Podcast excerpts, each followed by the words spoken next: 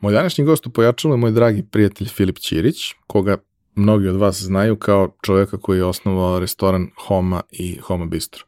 Homa postoji već 12 godina i odnedavno je jedan od nekoliko restorana u Srbiji koji su dobili Michelin preporuku. Filipov put je sve samo neobičan, od, od pirota i nekih vrlo skromnih početaka do toga da bude jedan od najcijenjenijih šefova i jedan od najcijenjenijih konsultanata u oblasti gastronomije i ugostiteljstva na ovim prostorima. Siguran sam da ćete mnogo toga zanimljivog naučiti jer je on e, bio tako slobodan da sa nama podeli zaista sve blistave, ali sve one jako teške trenutke koje je prošao, a kojih je bilo mnogo. Uživajte u ovoj epizodi. Realizaciju ove epizode podržala je kompanija Epson, koja je vodeći proizvođač projektora i štampača za sve namene, od kućne i kancelarijske upotrebe do profesionalnih uređaja koji se koriste od maloprodaje do industrijske proizvodnje. Već 20 godina u nizu proizvode najbolje projektore na svetu, a prvi štampač napravili su pre više od 50 godina. I dan danas svaki godin ulože preko pola milijarde dolara u istraživanje i razvoj novih proizvoda sa fokusom na održivo poslovanje i očuvanje životne sredine. Upravo zahvaljujući tome, njihovi inkjet uređaji najnovije generacije prave 94% manje zagađenja od konkurencije uz maksimalan kvalitet otiska. I vaš mobilni telefon koji sada nosite i na kome nas možda slušate i gledate, najverovatnije je napravio robot koji je stigao iz Epsonove fabrike. Roboti su super. Japanski roboti pogotovo. Za slučaj da želite da nas podržite vi individualno, uh, možete da posetite link u opisu podcasta na platformi Buy Me a Coffee i tu možete kupiti mesečnu pretplatu ili jednokratno donirati neki jednost koji želite. Hvala vam unapred na tome.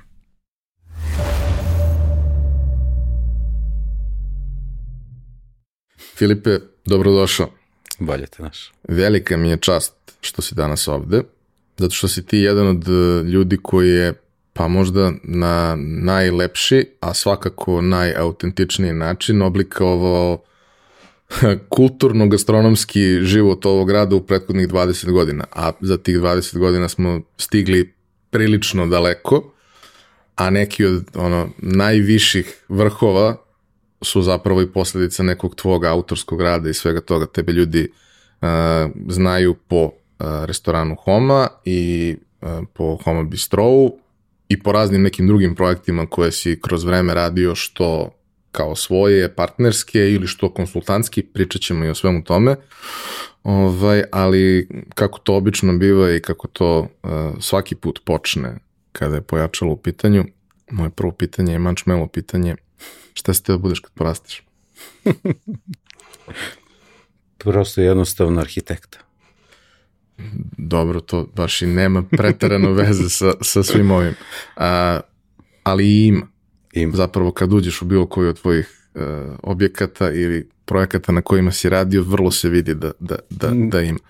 E, taj moment kao šta smo hteli da budemo kad porastemo, uvijek volim da pitam ljude zato što gledam kako se to posle, a i to šta si hteo da budeš se menja kroz detinstvo, ovaj, kako se to posle odrazilo na ono čime se na kraju zapravo bave, jer većina onih uspešnih i srećnih ljudi, a većina gosti jesu takvi, je našla način ako baš ne može time da se bavi da to nekako ugradi u svoj posao. Da bude slično.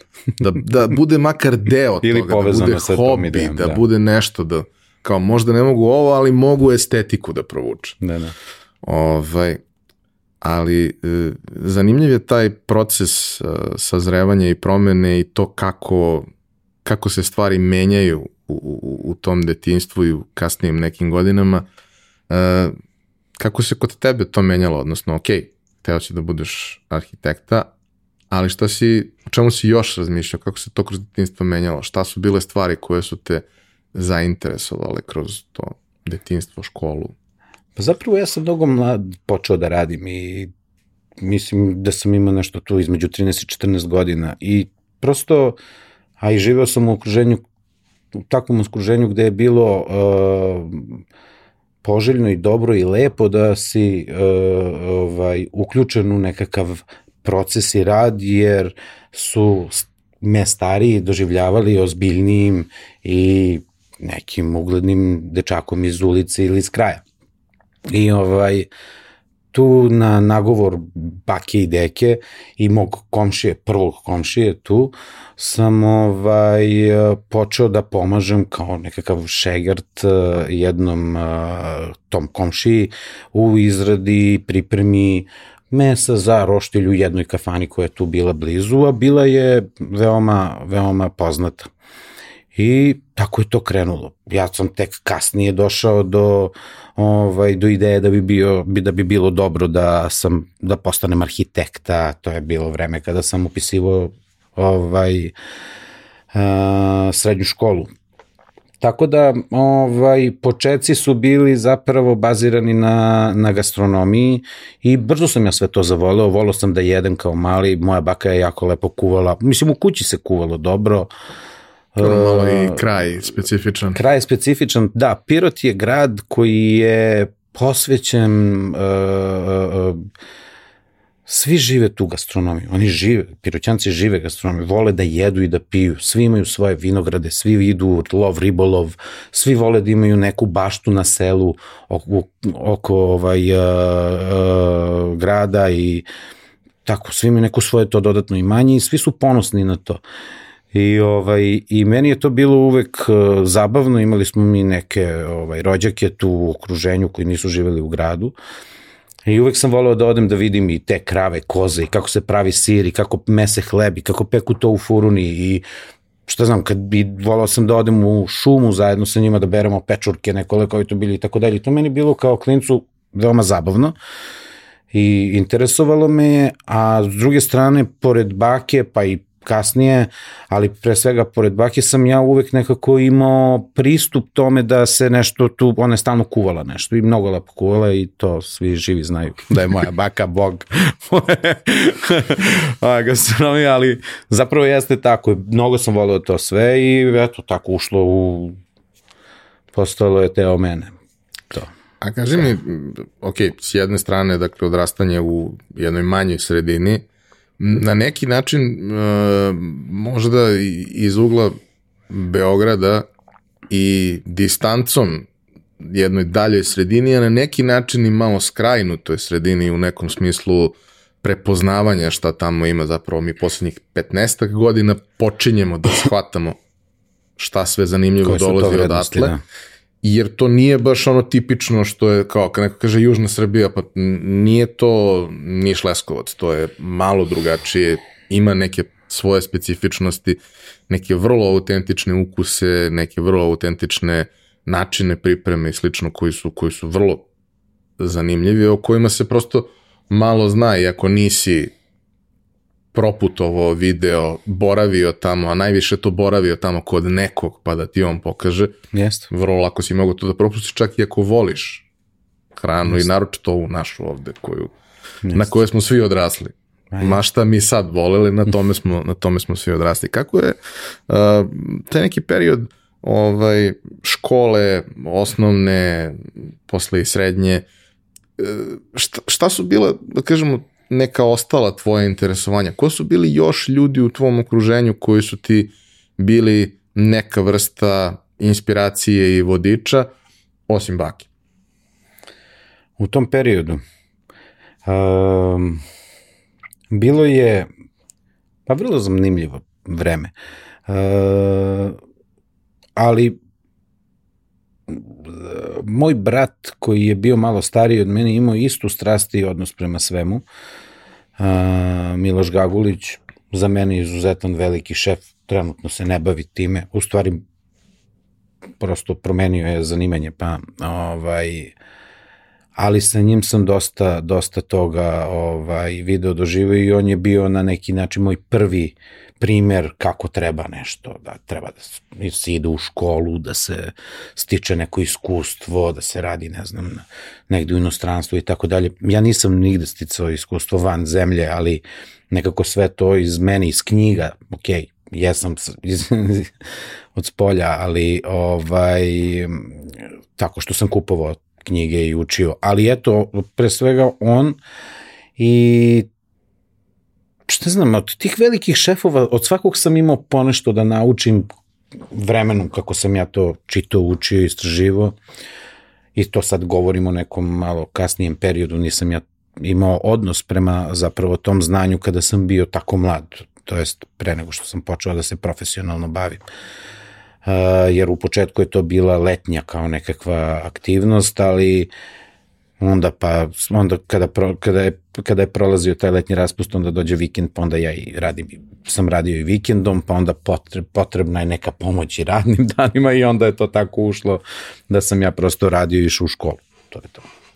A kaži mi kada si shvatio šta su neki naredni koraci i kako si došao do toga da se odlučiš da, da dođeš u Beograd, da kreneš ovaj, tu neku priču, jer dolaziš iz skromnog uh, odrastanja i okruženja i taj dolazak je komplikovan sam po sebi, vrlo skup, neizvesan, svima je problematičan, vrlo mali broj ljudi koji, koji dođe ima sve rešeno i sve je super. Jeste. Posebno u tom nekom periodu kada se tebi to dešavalo koji je bio još komplikovaniji nego, nego danas.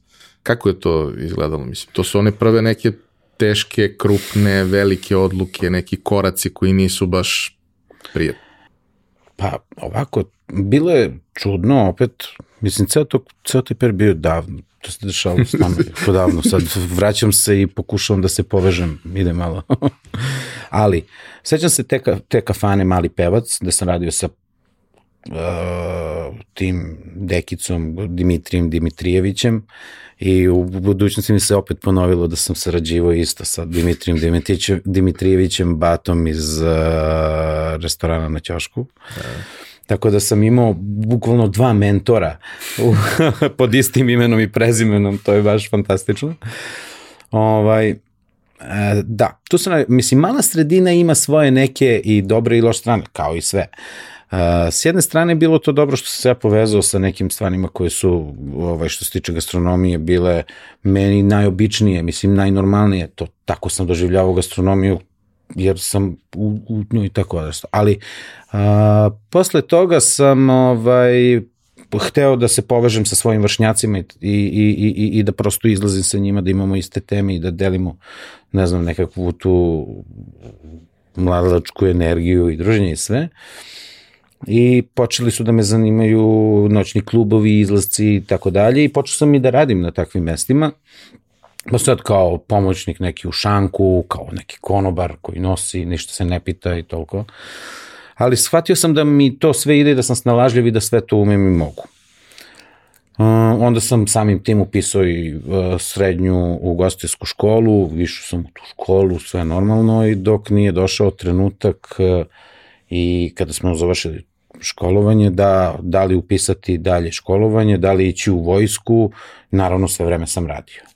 I sedim tako ja u jednom kafiću i gledam, ovaj, mislim ne u kafiću, pardon, u nekoj kafanici u kojoj sam nešto počeo da malo radim, kao neki, uh, ovaj, uh, promenio sam taj noćni klub i počeo da radim u toj kafanici, nešto kratko, i sad nema posla, popodne, seli, ručamo i iz dana u dan me, me nešto ovaj, teralo, u stvari malo sam se bio zaljubio u jednu devojku.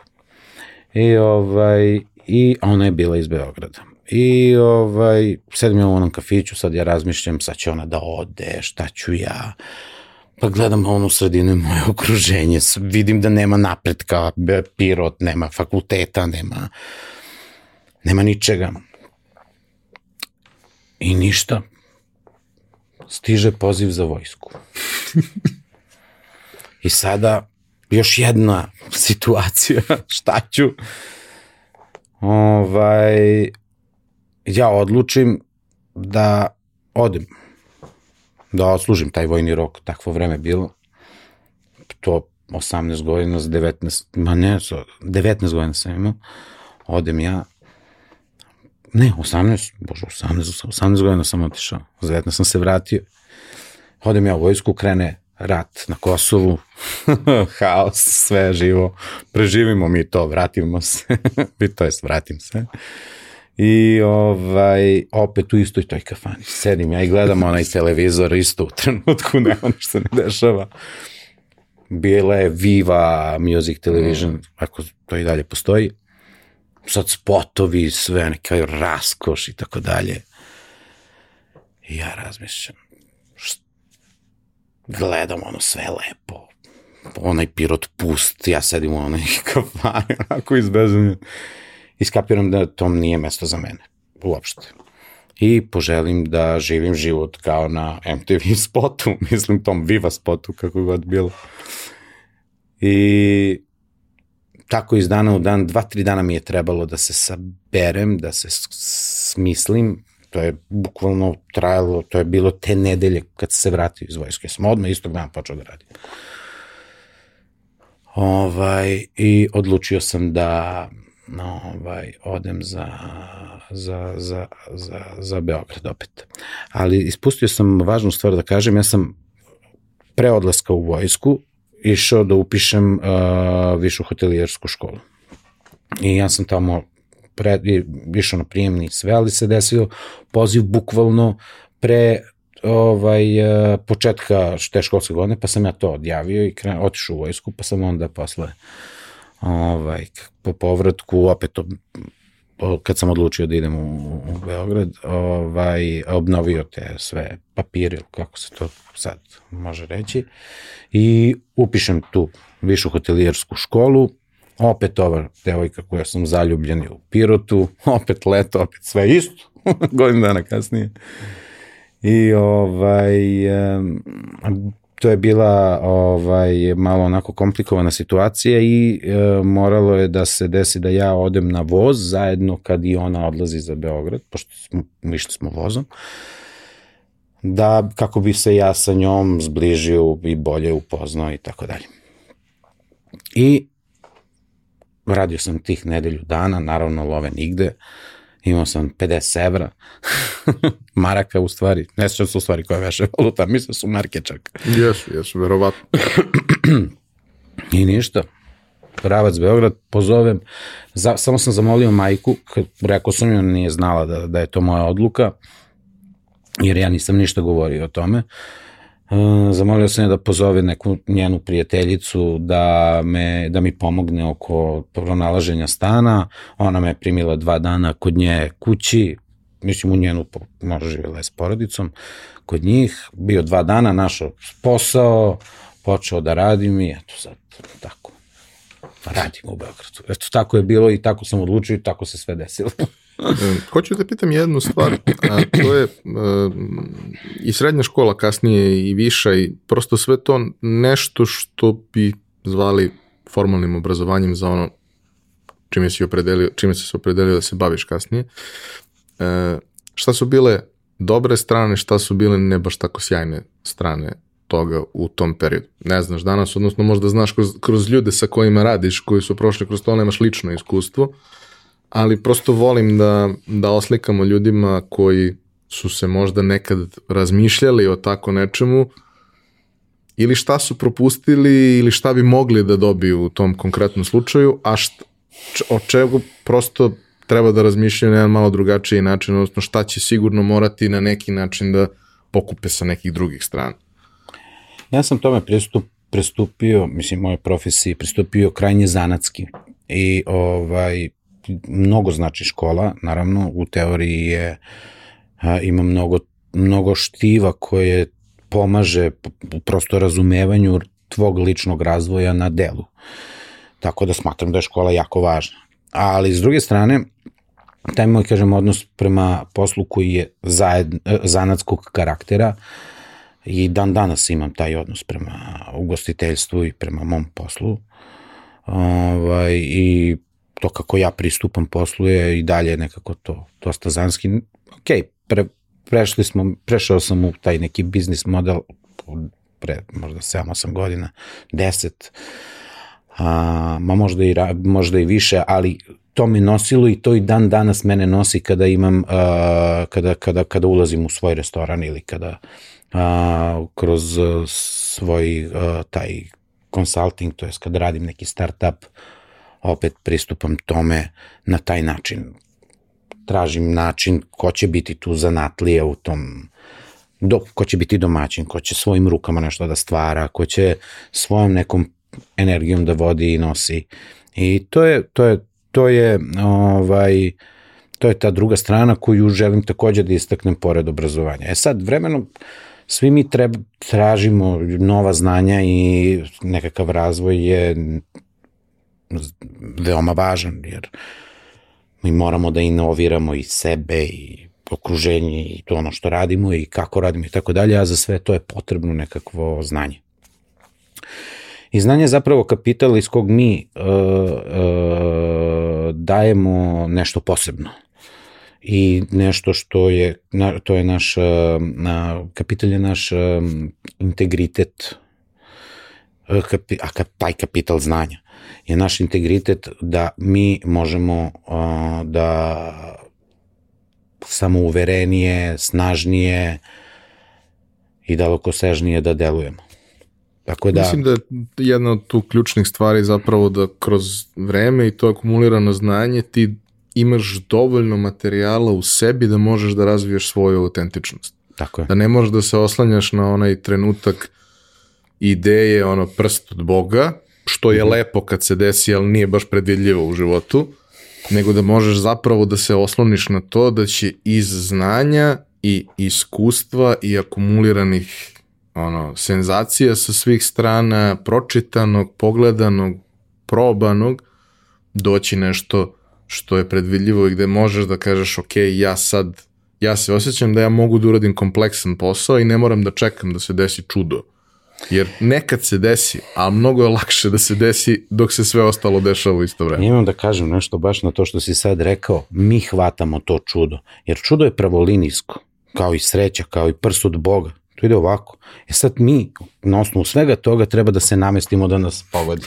ono kao, evo I da budemo spremni da ga... Znaš, ono kao ide ovde, ti samo ubaciš glavu, te pogodi. Tako ja to vidim.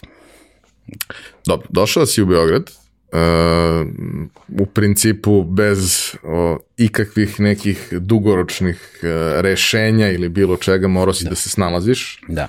Uh, našao si posao, našao si gde ćeš da budeš i sve to. Kako su se onda razvijale stvari? Šta je bilo sledeće? No, pa bilo je mnogo problema, no svaki početak je mnogo težak, mislim. Dok se prosto povežeš sa novom sredinom. Da, ti ne znaš ljudima. nikog. Nikog nula. I nisam ni hteo da znam nikog koji je iz Pirota, jer nisam žela me ništa vraća nazad. Samo sam gledao napred. Zapravo moja ideja je bila možda tu 15. 16. godinama, 17. da ja odem da radim na negde u inostranstvu. Zanimali su me brodovi, ali suštinski inostranstvo. Mada je Beograd bio dovoljno, dovoljno veliko, daleko. dovoljno, da, u tom trenutku. Uh, tako da, po, bilo je teško, mislim, odmah čim sam se zapoznao, radio sam prvo, radno mesto mi je bila kazina, stara kazina su tu ovaj, imali ti stari radnici svoj klan, baš su bili onako prefrigani i, i iskusni u svemu. I ovaj, sećam se, tu se razbolim, ono, neverovatno, dobijem neku infekciju i dobijem naravno i otkaz samim tim, pošto sam morao da uzmem posle trećeg, četvrtog dana bolovanje petog. I, ovaj, I tu sam bio jako tužan i razočaran što se to desilo. Ali dobro, lečio sam se bio ubrzo, pa sam našao prvi posao, ovaj, je bio neki, ka, sledeći zapravo posao je bio kafić, neki, ja ne mogu setiti kako se zvaše, ovaj, u bulevaru, gde sam doživao neke dve vrlo čudne devojke, uh, za to vreme, mislim, nekako ono, nekim helankama. Meni bilo njihov izgled baš čudan, ali su ovaj, uh, na kraju moje smene daj mi 50 evra, kao ovo ti je bakšiš. Mislim, ja gledam kakav bakšiš, imali smo možda 30 ljudi u kafiću dok smo tu nešto radili, shvatio sam da nisu čista posla. I posle trećeg dana tog kafića ja konačno nađem restoran koji me odredio za dalje, a to je bila Vila 69 u Krunskoj, to isto ne radi. Ovaj, ali sam tu imao izuzetno iskustvo sa, ovaj, sa ljudima koji su to vodili, Snežana i uh, jao, zaboravio sam ima gospodinu, da ne zameri, braca, braca. Snežana i braca su vodili to mesto i bili, bili su vlasnici, sad ne znam kako je to bila, kakva je bila tačna struktura. To je bilo mesto sa jednim izuzetnim fine konceptom, gde sam ja uvideo šta znači fine dining, gde sam se ja toliko oduševio time da je to posle postao lo moje usmerenje za dalje. Od tada, od tog restorana. Tako da je to bila neka možda prekretnica u mojoj karijeri ove ugostiteljskoj.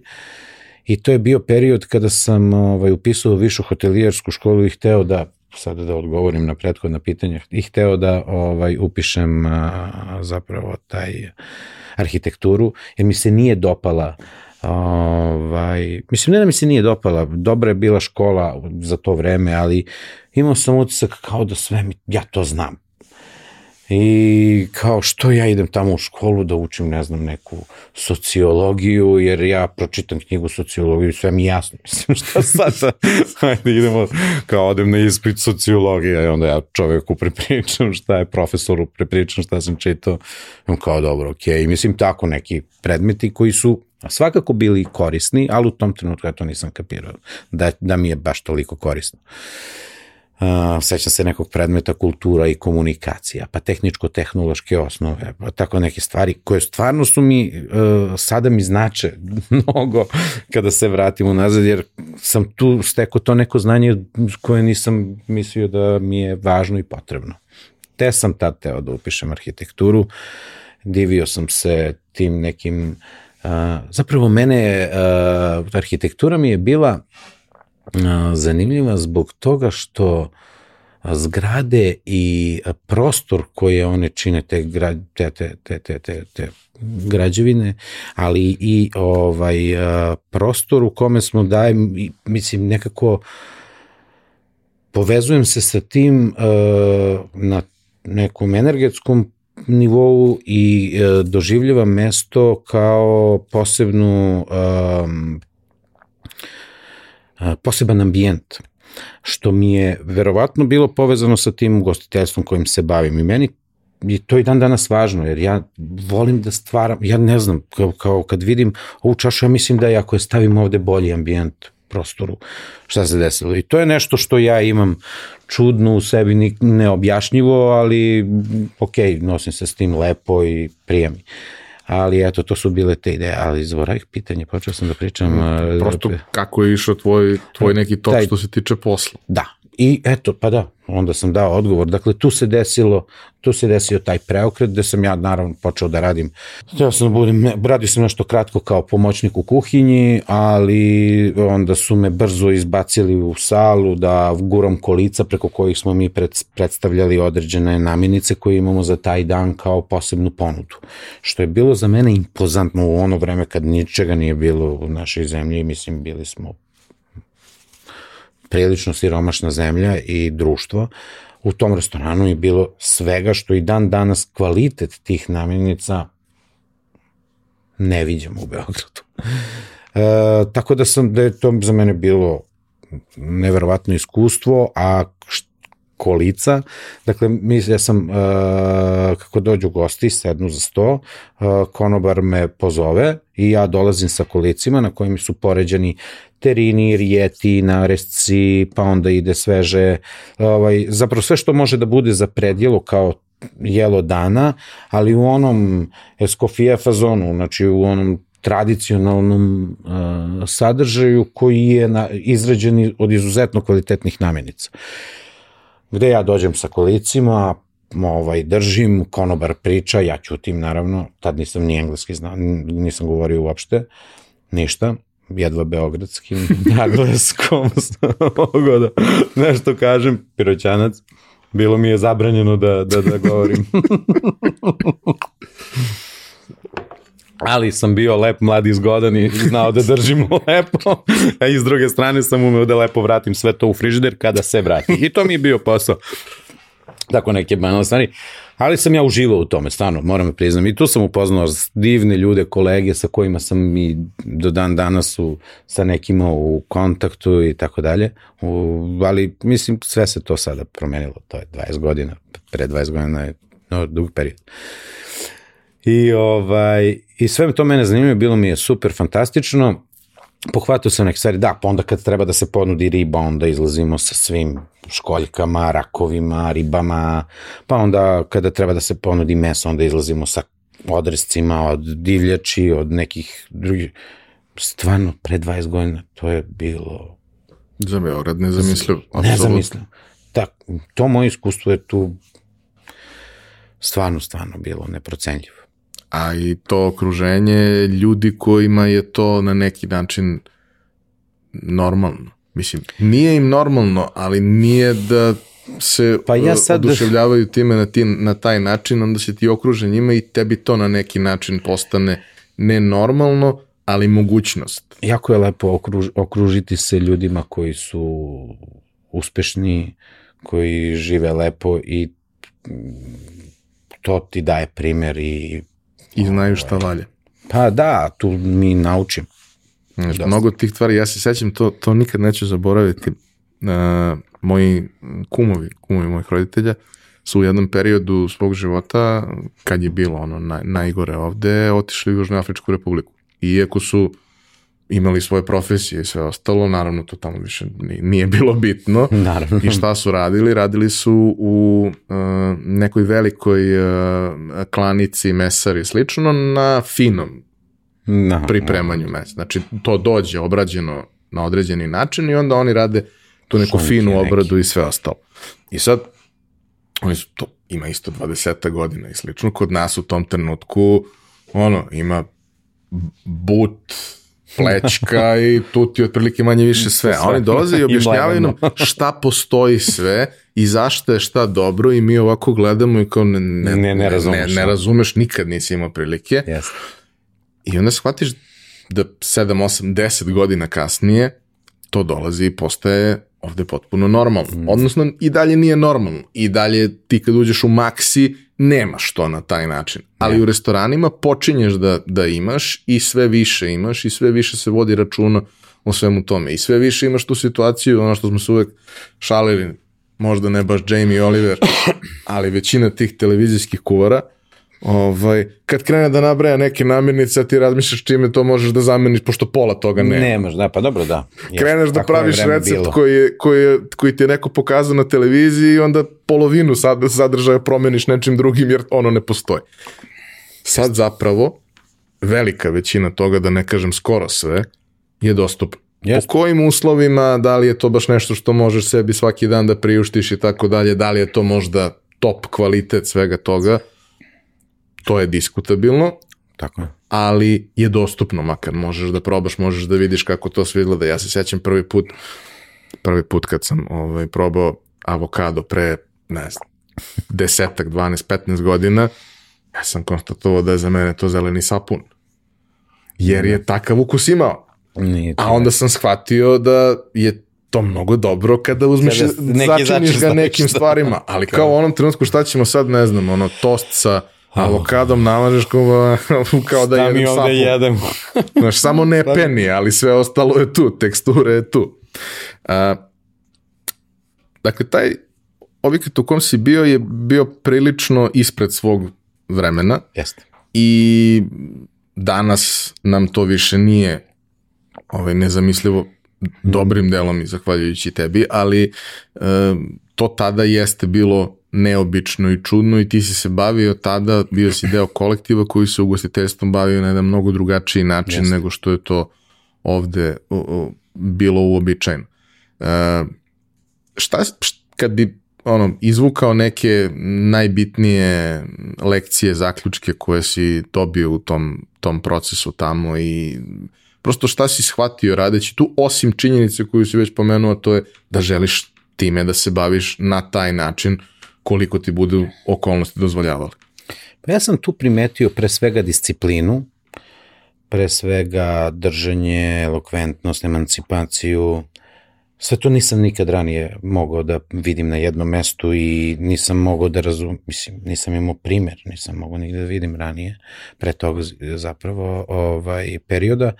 Vidio sam koliko je sve to važno, pa onda detalji kojima se posvećuju kojima su se posvećivali i ceo taj sistem kako je funkcionisao u, u, u detaljima koji su činili i ambijent, malo pre rekoh, sve je to bilo nekako perfektno i mene, ja ne znam, stvarno sam uživo radeći tamo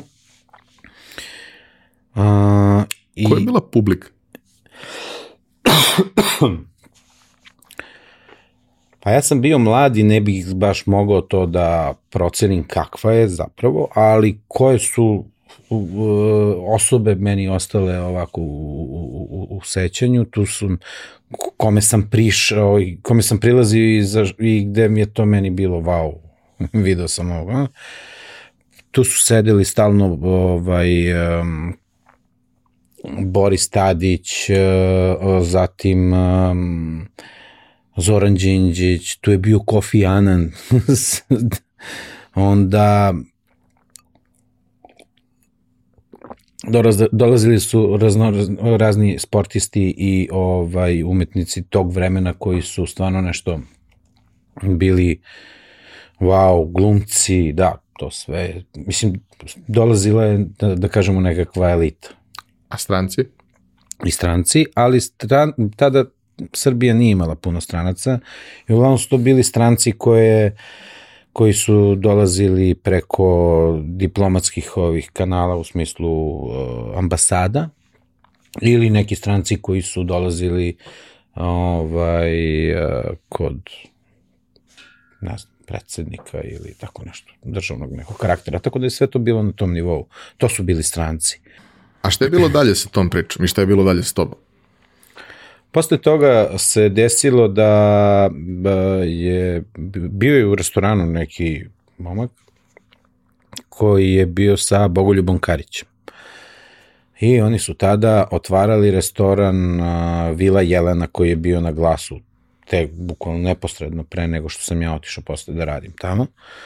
Gde su oni primetili mene u, u tom mom drženju terina ovaj, i ponudili mi da počnem da radim tamo.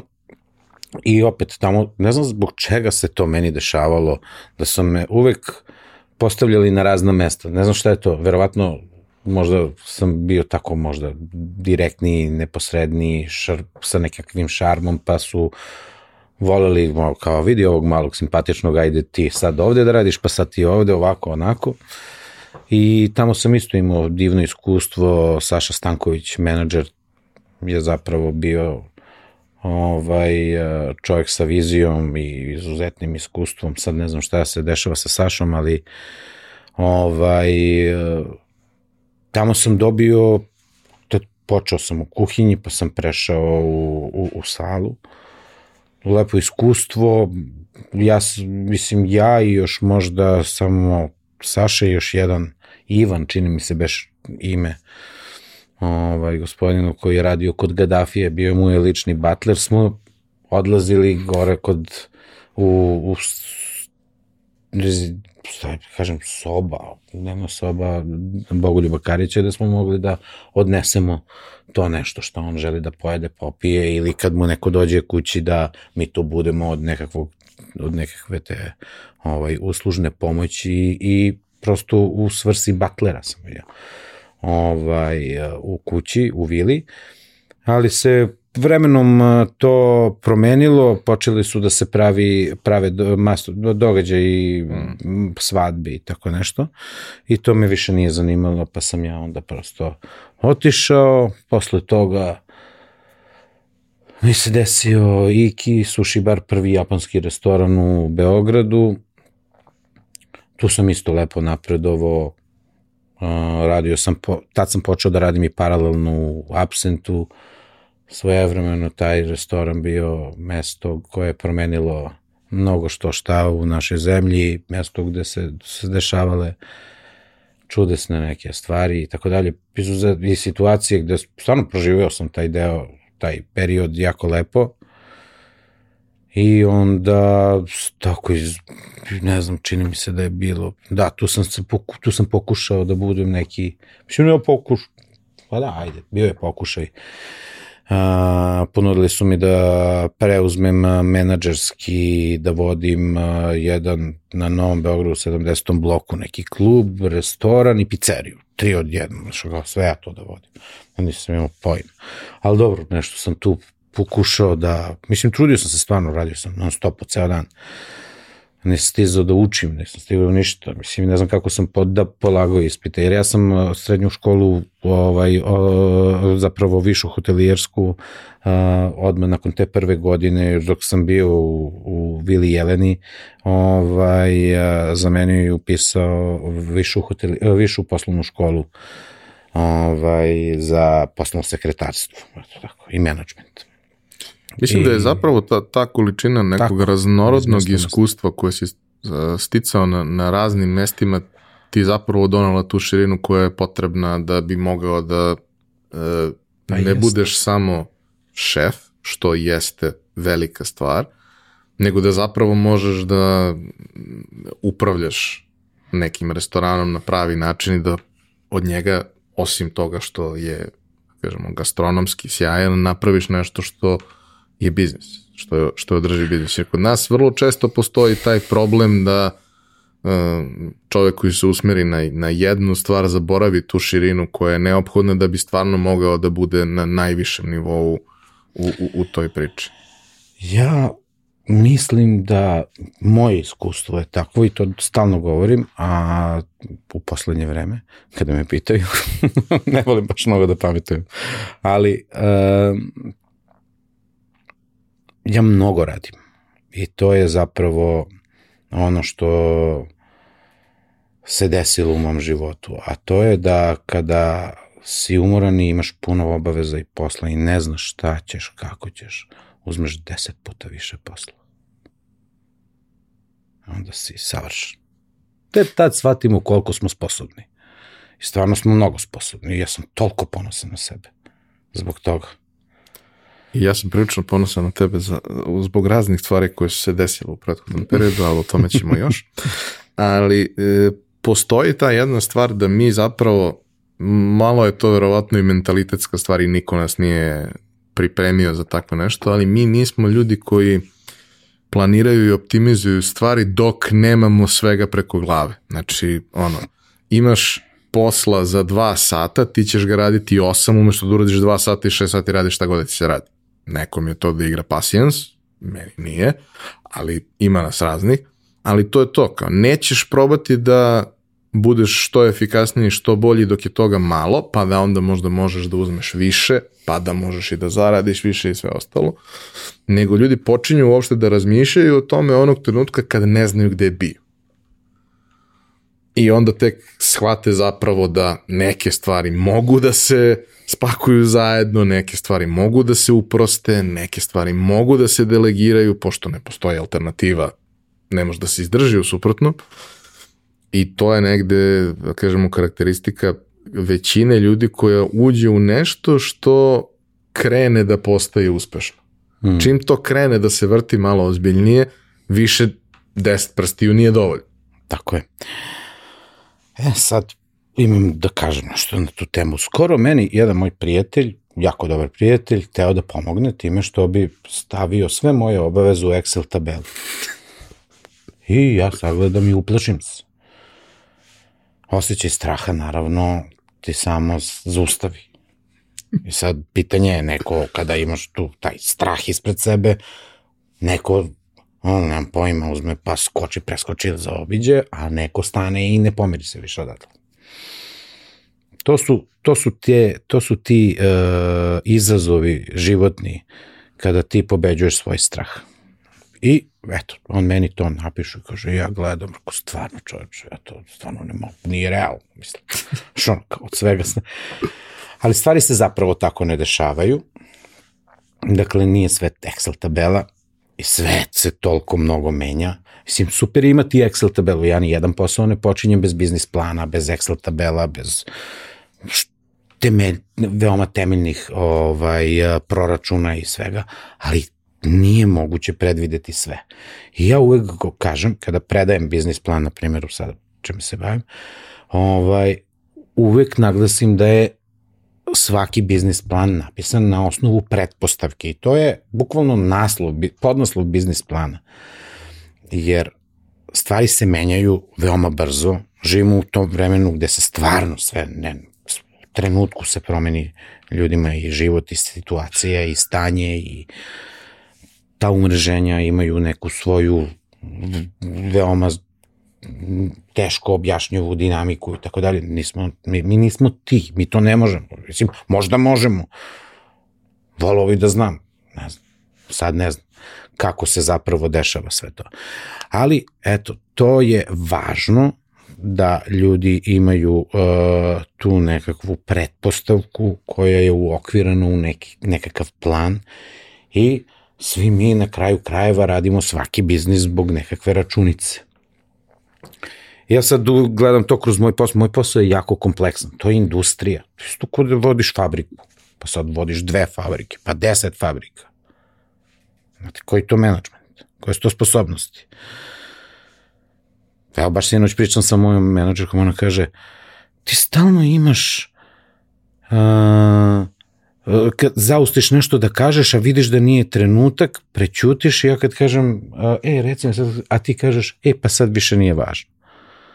Dakle, ja u, u, u, u, toliko ko, velik kompleksnom a, a, a, a, a, kompleksnom poslu gde ti si, mislim, bar ja to tako, ima milion upaljenih senzora neprestano. Uh, i moramo da budemo veoma brzi, odsečni sad u ovom trenutku, nema kasnije, nema, A, ne i može selektivni, da se... da se ne bude na svaku upaljenu lampicu da bude haos. I, baš to. A isto tako se dešavaju, da, situacije u kojima ne možeš to da, da, da ureš. I to je sad, mislim, sad svima je ovo poznato što ja sad govorim, ali je uh, u mom poslu to veoma veliko. Jer imamo mnogo što šta u, u, u, u poslu koji je mali biznis, gde uh, uglavnom jedan čovek radi mnogo, mnogo toga uh, i na taj način mi moramo da optimizujemo poslovanje, mislim. Znaš. Jedna od stvari koju ljudi stalno ovaj, pričaju, koji su iz te neke preduzetničko-industrijske priče, kažu da je uvek najveći problem kad radiš sa živom sirovinom. Znaš, kad imaš blok metala, imaš blok metala, pa mislim, možda no, nije baš... Neki hiljadu, malo duži period za nešto. Znaš, prvo ne, neće se pokvariti verovatno. Da. Ovaj, možda izgubi na vrednosti ili da dobije na vrednosti kako već idu sa sirovinama, ali je prilično predvidljivo šta će da se mm. desi, nemaš ono kratak vremenski okvir u kome treba da odreaguješ, nema šta da se pokvari, nema šta da se promeni do sutra i tako dalje. Dok je sa ovim stvarima dosta to, dosta to pipavije. Ali ono što hoću da te pitam, prošli smo te neki, da kažemo, prvi deo uh, tvoje karijere. Ono što većina ljudi koji su uh, u životu imali pretenzije da rade ono što ti danas radiš i neki od njih i rade više ili manje uspešno, taj ključni moment je taj trenutak kad ti u svojoj glavi kažeš prelomiš i kažeš hoću da imam svoj restoran. Sad možda ne mogu da imam svoj restoran, možda mogu da imam svoj restoran sa još nekim ljudima i tako dalje, ali kao, ok, ja sam sad dovoljno siguran u sebe da ja mogu da pokrijem jedan značajan deo onoga što tu treba i hoću da, da probam, ali to da probam nije samo onaj lep deo, baš je super imati svoj restoran, nego je to ogromna količina odgovornosti prema sebi, svom imenu, prema svim tim ljudima koji su zaposleni, prema yes. svim tim gostima, prema partnerima, prema... Znači, to je trenutak kada neko kad preseče, prvi put uzima zaista veliku odgovornost. Kako je to kod tebe išlo? Kad se uopšte pojavila ideja i kako, si, kako je teko put do prvog pokušaja? Pa prvi moj rest, prvi svoj restoran sam imao sa 20 tri ili četiri godine, tako nešto. E, želeo sam naravno svoj restoran, jer sve vreme sam radio puno, jako, čvrsto, učio koliko sam mogo da naučim. E,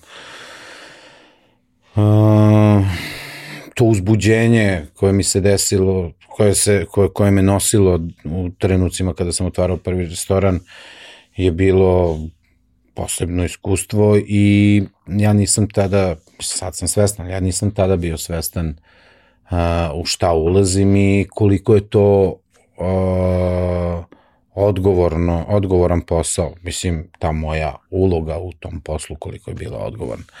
Ko, ko, koja je to veličina odgovornosti i mislio sam da znam puno o preduzetništvu, ali to je već postalo preduzetništvo.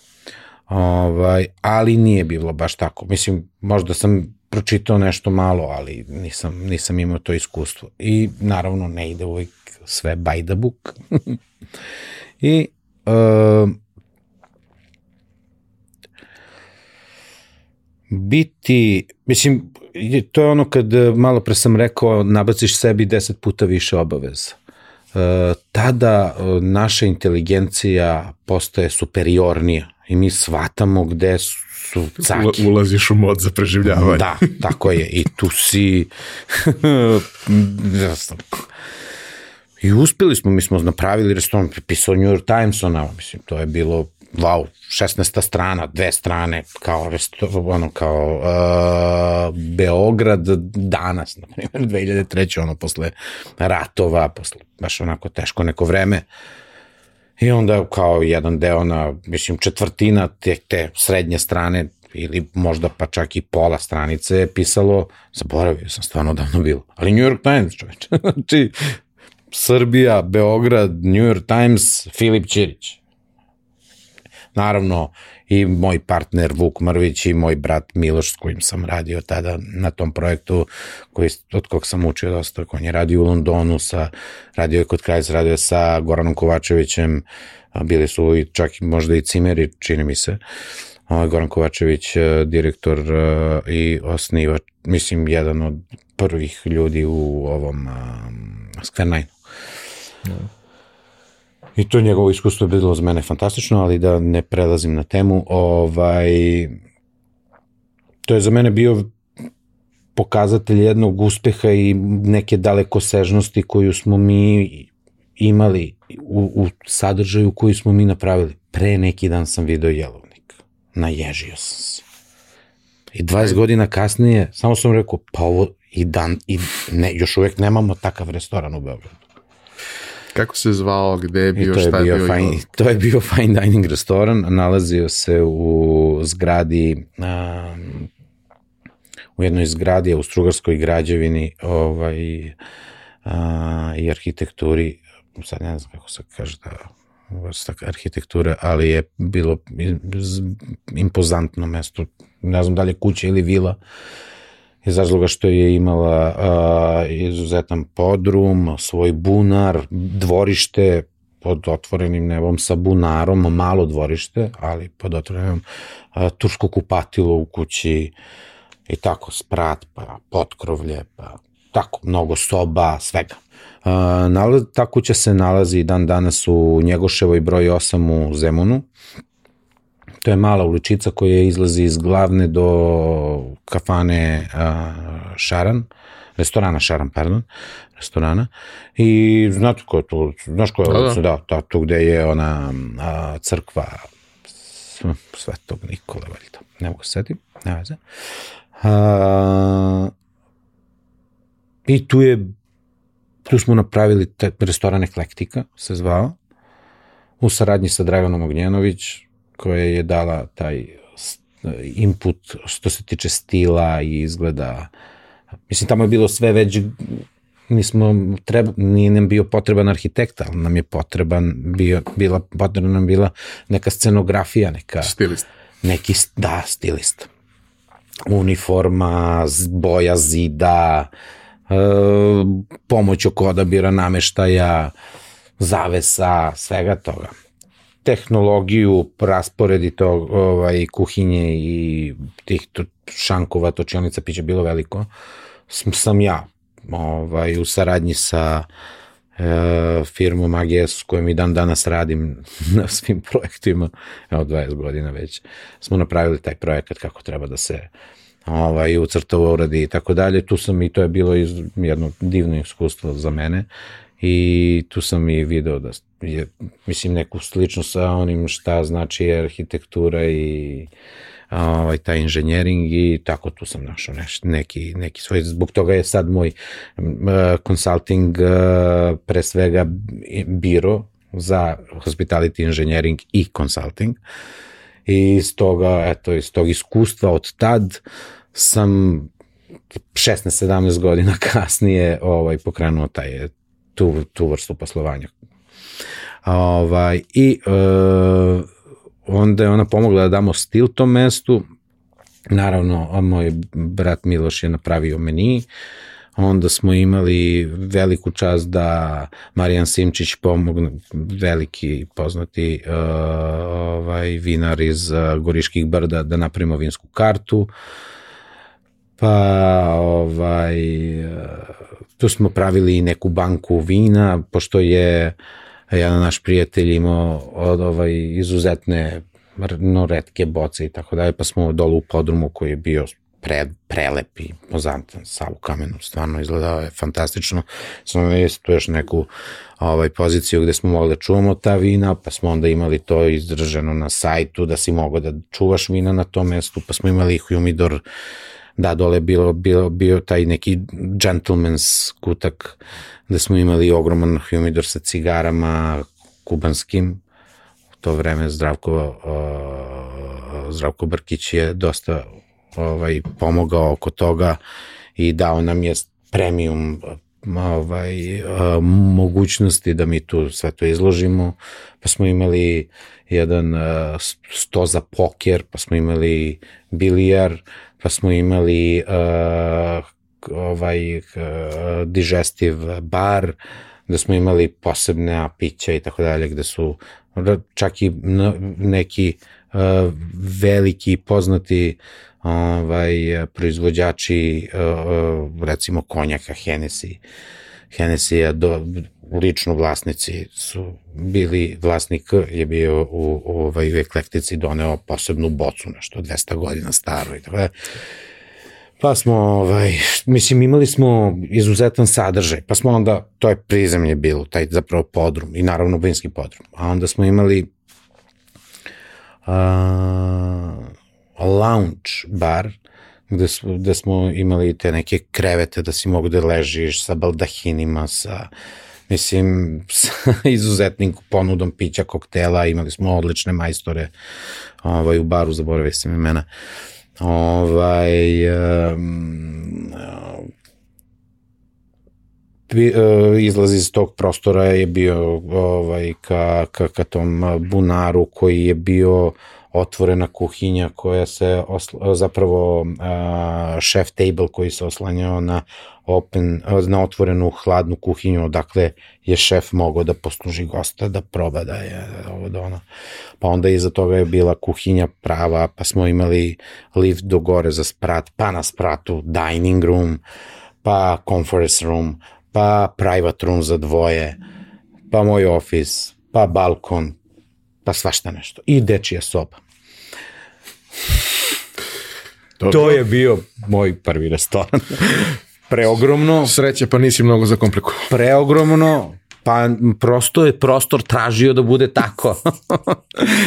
ja sam u to ušao hrabro, radio sam iz sve snage, svim svojim srcem i uh, napravili smo dobru stvar. I dan danas postoje ljudi koji se sećaju tog mesta, mislim, stvarno, mnogo godina je prošlo. Uh, I eto, valjda sam sve rekao to mesto, to je bilo stvarno wow. I, ali opet prekretnica.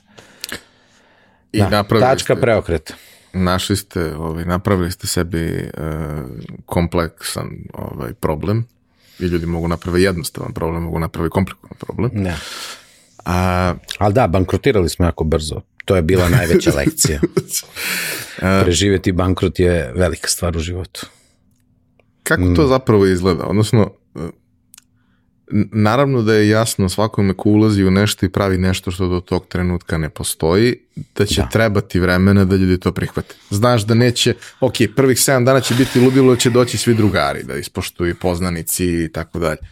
Ali treba vremena i to neko vreme treba od nečega isfinansirati kad imaš toliko različitih sadržaja i svega. Ovaj, I sa šta se tu desilo da ta priča nije uspela? Pre svega želim da kažem da smo se mi umrežili, nije to toliko, mislim, koštalo je naravno, ali nije bilo toliko, pa Riddle čaše, sećam se, i one, mislim, restoran sa Riddle čaše, ljudi nisu znali šta znači Riddle, ništa nije to sve bilo prosto poznato. Uh, mnogima. Neki su znali, ali većina ljudi nije znala. Uh, u New York Timesu su napisali da je to restoran koji je van vremenska kapsula Beograda. To je bio podnaslov, ne znam šta je bio naslov. Uh, sećam se, da, tu je, zapravo New York Times je doveo Dan Tana, Uh, znaš o kom Da, se da, pričam. E, I ovaj, tako da hvala mu, da, stvarno, da nije bilo njega, to se nije, ne bi, mislim, New York Times ne bi došao u Srbiju. I, ovaj, I da, to je baš bilo super. A, nego što sam teo da kažem, šta je bilo pitanje za... Kako je došlo do problema? Odnosno, Da, kako je to krenulo je da se dešava i E. eskaliralo? To je, pa došlo je do problema baš iz, ovaj, na temu prethodnog pitanja, to je, tema prethodnog pitanja je bila uh, bez uh, dovoljno precizne uh, računice, plana, i smo imali nekakav plan, to nije bilo ni približno. Sad mi se dešava često, pošto mi je to posao, imam upite stalno, ovaj, uh, od ljudi koji već imaju ugostiteljske objekte i koji su u velikom problemu. I zbog toga što nemaju plan, a nemaju ni ljude, a već su u Kanal. kanalu. I šta da radimo sad? Mislim, uh, taj scenario je svakodnevica mnogih mnogih biznisa u Srbiji i mislim verovatno svuda u svetu, ali ovaj, da, to se ovde dešava. Da, Ma ljudi je teško je utroše to- milione, to su stvarno nes, nesnosni gubici ovaj, u ovaj posao, ali eto to, bez plana, ništa. Znači, I bez optimizacije koja mora da, zapravo mi sa tom optimizacijom uh, i biznis planom držimo posao živim i zdravim. I ta optimizacija, ali ta optimizacija mora da ima svoju meru. Taj biznis plan mora da bude što realniji, ali i opet može sve biti drugačije od onoga što jeste. da, da, naravno, Jako ima, kompleksno. ima mnogo pomičnih delova, ima mnogo mesta na kojima može da prokliza. Ali ono što, što je negde um, iz mog ugla najvažnija lekcija, to je da možeš da napraviš nešto što je fantastično Mhm. Da. i to nije dovoljno. Nije. Nažalost nije. U poslu Nažalost nije. to nije dovoljno. Čak u bilo čemu u životu to, ni, to nije dovoljno. Znači, može neko da naslika najlepšu sliku na svetu, ako nema ko da je veliča i da Jeste. o njoj priča, to uopšte nije više važno. Uh, koliko pitanja, preko 200 pitanja ja umem da postavim kada ulazim u saradnju sa nekim, to jest dok pregovaramo samo. Mislim, moj pregovor za posao je pola onoga što ću ja uraditi zapravo u konsultingu. A zašto? Zato što, uh, uh, evo to što ti kažeš, uh, nije dovoljno da bude samo sve tako sadržajno, lepo, impozantno i tako dalje. Za koga? Zbog čega? Šta s tim? Kome? to su osnovna pitanja. I ovaj, a da bi uopšte mogli da postavimo ta pitanja, uh, krećemo od toga imaš neke pare. Ok, jasno je da ti kad uložiš, ne znam, uh, 150.000 u neki stan, možeš da mesečno imaš povrat 200 evra. Je li tako? Ili da uložiš u biznis i da rizikuješ i da se nadaš nekim hiljadama. Je li tako? Ali, uh, investicije, sada ima mnogo para i ljudi traže način gde da ih stave. Prosto da one rade a, a, Pa i da rastu, da, da ne rastu gube na ili vrednosti, da se ne gube na vrednosti. Tako je, da se prosto sačuje. Uh, u nekih, de, na 10 godina 3% uh, od investicije je neka cifra o kojoj se uh, uglavnom uh, priča i vrti ta ušteda, je li tako? Ali uh, u, u biznisu je, jel te, što veći rizik i veća je, jel te, ovaj, uh, ta Potencijalna dobit. Da, potencijalna dobit i ljudi se opredeljuju za ugostiteljstvo, a posao je čista industrija. i jako je kompleksna industrija. Jer imaš previše ovaj proizvoda, onda imaš previše grupe proizvoda. Imaš pre kratke trokove trajanja, imaš ekstremno kompleksan plasman svih tih proizvoda. Košta. Ili ideš na foru, a idemo kao da molim Boga da je neko darovit pa da može. Znaš, od konobara. Ili ne znam, nekim drugim putem. Onda imaš marketinške te aktivnosti su široke, velike, koštaju mnogo. E, šta još? Možda da imaš finansijski centar, pravni centar, mislim, možda imaš pravnika, računovođu, knjigovođu, pa još nekoliko ljudi nad svim tim, pa, finansijskog direktora, neko ko će da odlučuje o tome sve. Pa onda, frontmena, znači neko ko je PR mesta, pa neko ko ovaj, je pa PR i domaćina i tako da kažemo. Jedna, jedna, jedna, jedna. I tako sad ja nabrajam gomilu, gomilu nekih pozicija koje, koje treba imati jedan restoran, ugostiteljski objekat, bilo koji. Ja sad tu mogu da nabrojim 20 ljudi za prostor od 30 sedećih mesta, 50 neka je. Koliko može 50 ovaj, stolica da, da, da, da prometuje? Ne znam. Evo, baš sam imao neku situaciju, kao neki rest, nekom restoranu je potrebno 250.000 dinara dnevno da budu na nuli. Sad imaju tu radnike, ulaz, servena, izlaz, ovo, ono, neku matematiku imaju, izgleda da je nemaju. Njima treba 250.000 da budu na nuli za restoran od to 50-60 mesta. Normalno restoran. Ja u mojoj matematici vidim da bi trebalo da 150.000 bude njihov uh, break-even. I gde je sad, tu sad pričamo o 100.000 dinara dnevno. Uh, gde se gubi lova? Lubi, baš u tome što nemamo optimizaciju i nemamo dovoljno, dovoljnu stručnost koja može da pokrije nekoliko tih pozicija. Dakle, a, i mi nismo ni svesni da u ugostiteljstvu postoje ljudi koji rade bukvalno 3 do 4 posla, ovaj, a plaćeni su za jedan.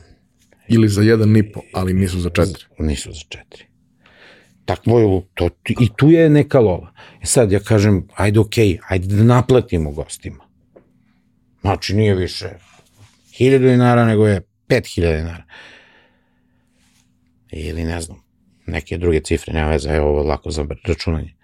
Da, kako, kako bi to izgledalo sad sa 5000 dinara da ti prodaješ nešto što gde tebi matematika govori da treba da prodaš za 5000 dinara sa tim svim ljudima koje sam ja sad nabrojao i koji su potrebni. Kako? Da li to može, da li ima ko će to da kupi? Da li ih ima dovoljno? Pa tako je. I naravno, što je skuplje, to ih je manje. I od manje grupe ljudi se ti neki, na neki način Onda boriš za njihovu njihovu margine, pažnju. da li radiš za marginu od 150 ili od marginu, za marginu od 700 ili 500 ili 300, nije važno i koliko tu ima rada na tome, a koliko je samo da nešto što je poluproizvod spakuješ i proslediš dalje. A, zaključujem da je ugostiteljstvo posao, profesija za ljude koji mogu da se bave raznim, koji mogu da rade posao kao u raznim celinama, pa to kažemo, ekonomija, marketing tako dalje. Ali nije prirodno da se svi mi razumemo u sve. I to je još jedan ono, kiks kod svih nas, mislim, i naša samokritičnost je nekad, mislim, ajde, budi samokritičan. Vidiš šta, odlučiš da ne znaš. Ne, Moraš da platiš. I, imaš i onaj moment da ono, neophodno je da razumeš stvari, Da. ali to što razumeš nešto ne znači da to znaš. Tako je, ne znači. Znaš da prepoznaš, ne znaš da napraviš, Da. ne znaš da uradiš. I to što znaš da prepoznaš je beskrajno vredno. Jeste. ti mnogo Jeste. znači. Ali nije dovoljno. Ma i kada odlučiš da naučiš, da znaš to da radiš, u drugom nekom polju si ti manjkaš. Da, ne možeš sve odjednom. svakako. Ne može, ma nema te ovdje. Ma mislim, stvarno je prekompleksno. Čak nijako si blesav, kao recimo ti. Ali, Jeste. Čak i tako. A, zakomplikovali ste sebi život sa eklektikom, što je Pa. malo suprotno u odnosu na naziv i sve ostalo. Da. Ali zakomplikovali ste sebi život, napravili ste nešto što je bilo apsolutno neviđeno, spektakularno, spektakularno je propalo. Jeste, sve baš tako.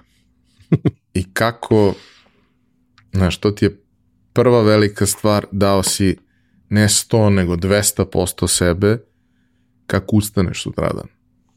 I kako ponovo skupiš snage, hrabrosti i svega da kreneš dalje. Ja, mogu da se prisjetim kao kroz maglu, ali bi rekao to optimistično, mislim možda i banalno, ovaj, ali otresaš prašinu i nastaviš. Nije tu kraj. Jako je velika muka i tuga kada ovaj, izgubiš tako nešto. Mislim što god da izgubiš. Da si posvetio svoje vreme, energiju, ljubav, sve živo odredi, promeni čoveka i mene to mnogo promenilo. Ja sam od tada postao drugi čovjek. U kom smislu? Pa nekako sa emocijama sam po, drugačije počeo da ovaj, se nosim svojim ličnim prema mnogo čemu, prema prijateljima, prema prema poslu, prema svojim obavezama, prema samom sebi. Najviše prema samom sebi. Drugačije sam počeo da, da mislim, nekako uvek sam se trudio da, da doživljavam sebe. Dakle, razdvojim se na dva dela i onda gledam ovog drugog. ovaj, šta znam, tad sam počeo da, tada, to je bio period moje, teme, moje neke depresije kad sam odlučio da, mislim, bio sam stvarno depresivan. Jer sam izgubio mnogo, bio sam uplašen, strah od egzistencije, ne, svima nama, uvek u nama. I mnogo se lako upali Jeste, ponovo. upali se ovako, se upali kad hoćeš, tako je, baš, mislim, veliki strah je, taj strah je baš, baš.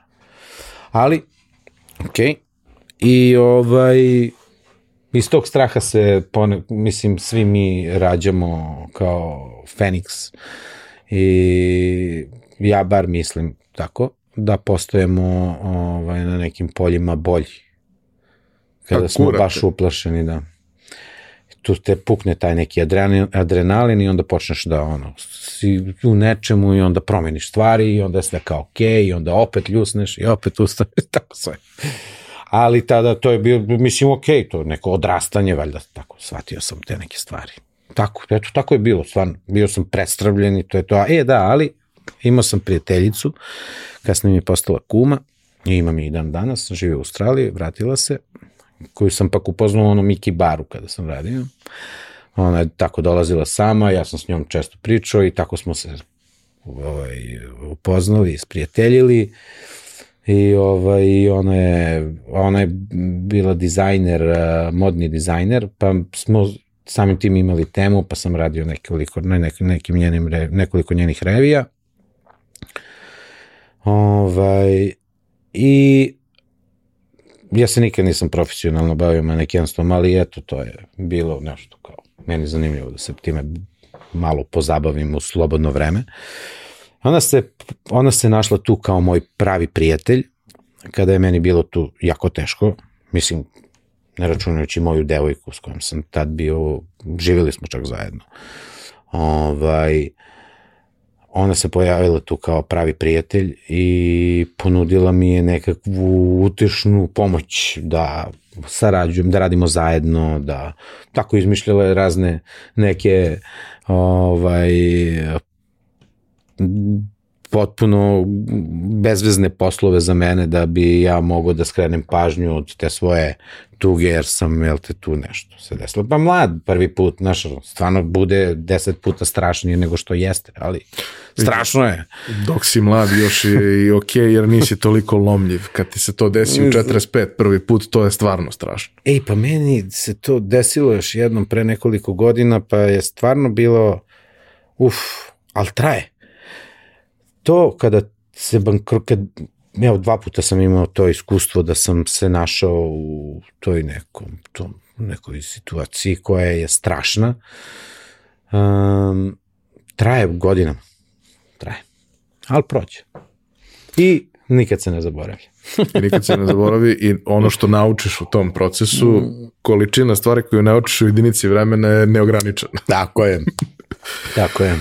Ovaj, šta se dalje dešava? Mislim, jedna od stvari koja se u tom nekom prethodnom periodu m, zanemarujući uh, eklektiku je da si se ti malo bio i odaljio od kuhinje, da si se bavio ostalim stvarima dosta više. Vero- Verovatno si privatno nekako ono, živeo i dalje to sve.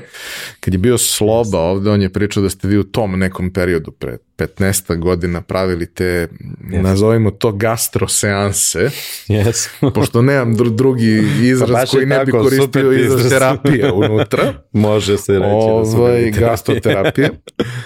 Da, da je to zapravo bio vreme. početak e, i, i njegove priče sa školom kuvanja Il Primo, da si ti tu odigrao jednu jako važnu ulogu, a to otprilike po vremenskoj liniji čini mi se da je to neko to slično vreme. E, šta su bile ono stvari, ok, otresu si prešinu, malo si uspeo da skreneš pažnju sebi sa, sa samo katastrofe na ostale stvari, vratio si se u život. Šta si dalje radio? A, da, a, mi smo, a, da, dok sam radio kod, a, zanimljivo vreme, samo moram da se prisjetim da mi se posluže vremenski tokovi. A, pa kada smo radili, eto to sa tom mojom prijateljicom Ninom, imali smo ofis i taj ofis je bio neposredno od e, male iguane u Požarevačkoj gde smo mi pili kafu iz čaše, late, znači dve, prvo informacija, piješ late, a ne veliku kafu s toplim mlekom, drugo piješ iz staklene čaše koja je bila pritom sediš u prostoru koji je samo beton, što je opet još jedan šok. Mislim, meni to bilo prešarmantno i divno. Nekako sam imao divan odnos prema tome. Ali je svakako bilo... Za, zagradi u tom trenutku. Zagradi One to, čudake. da, da, da.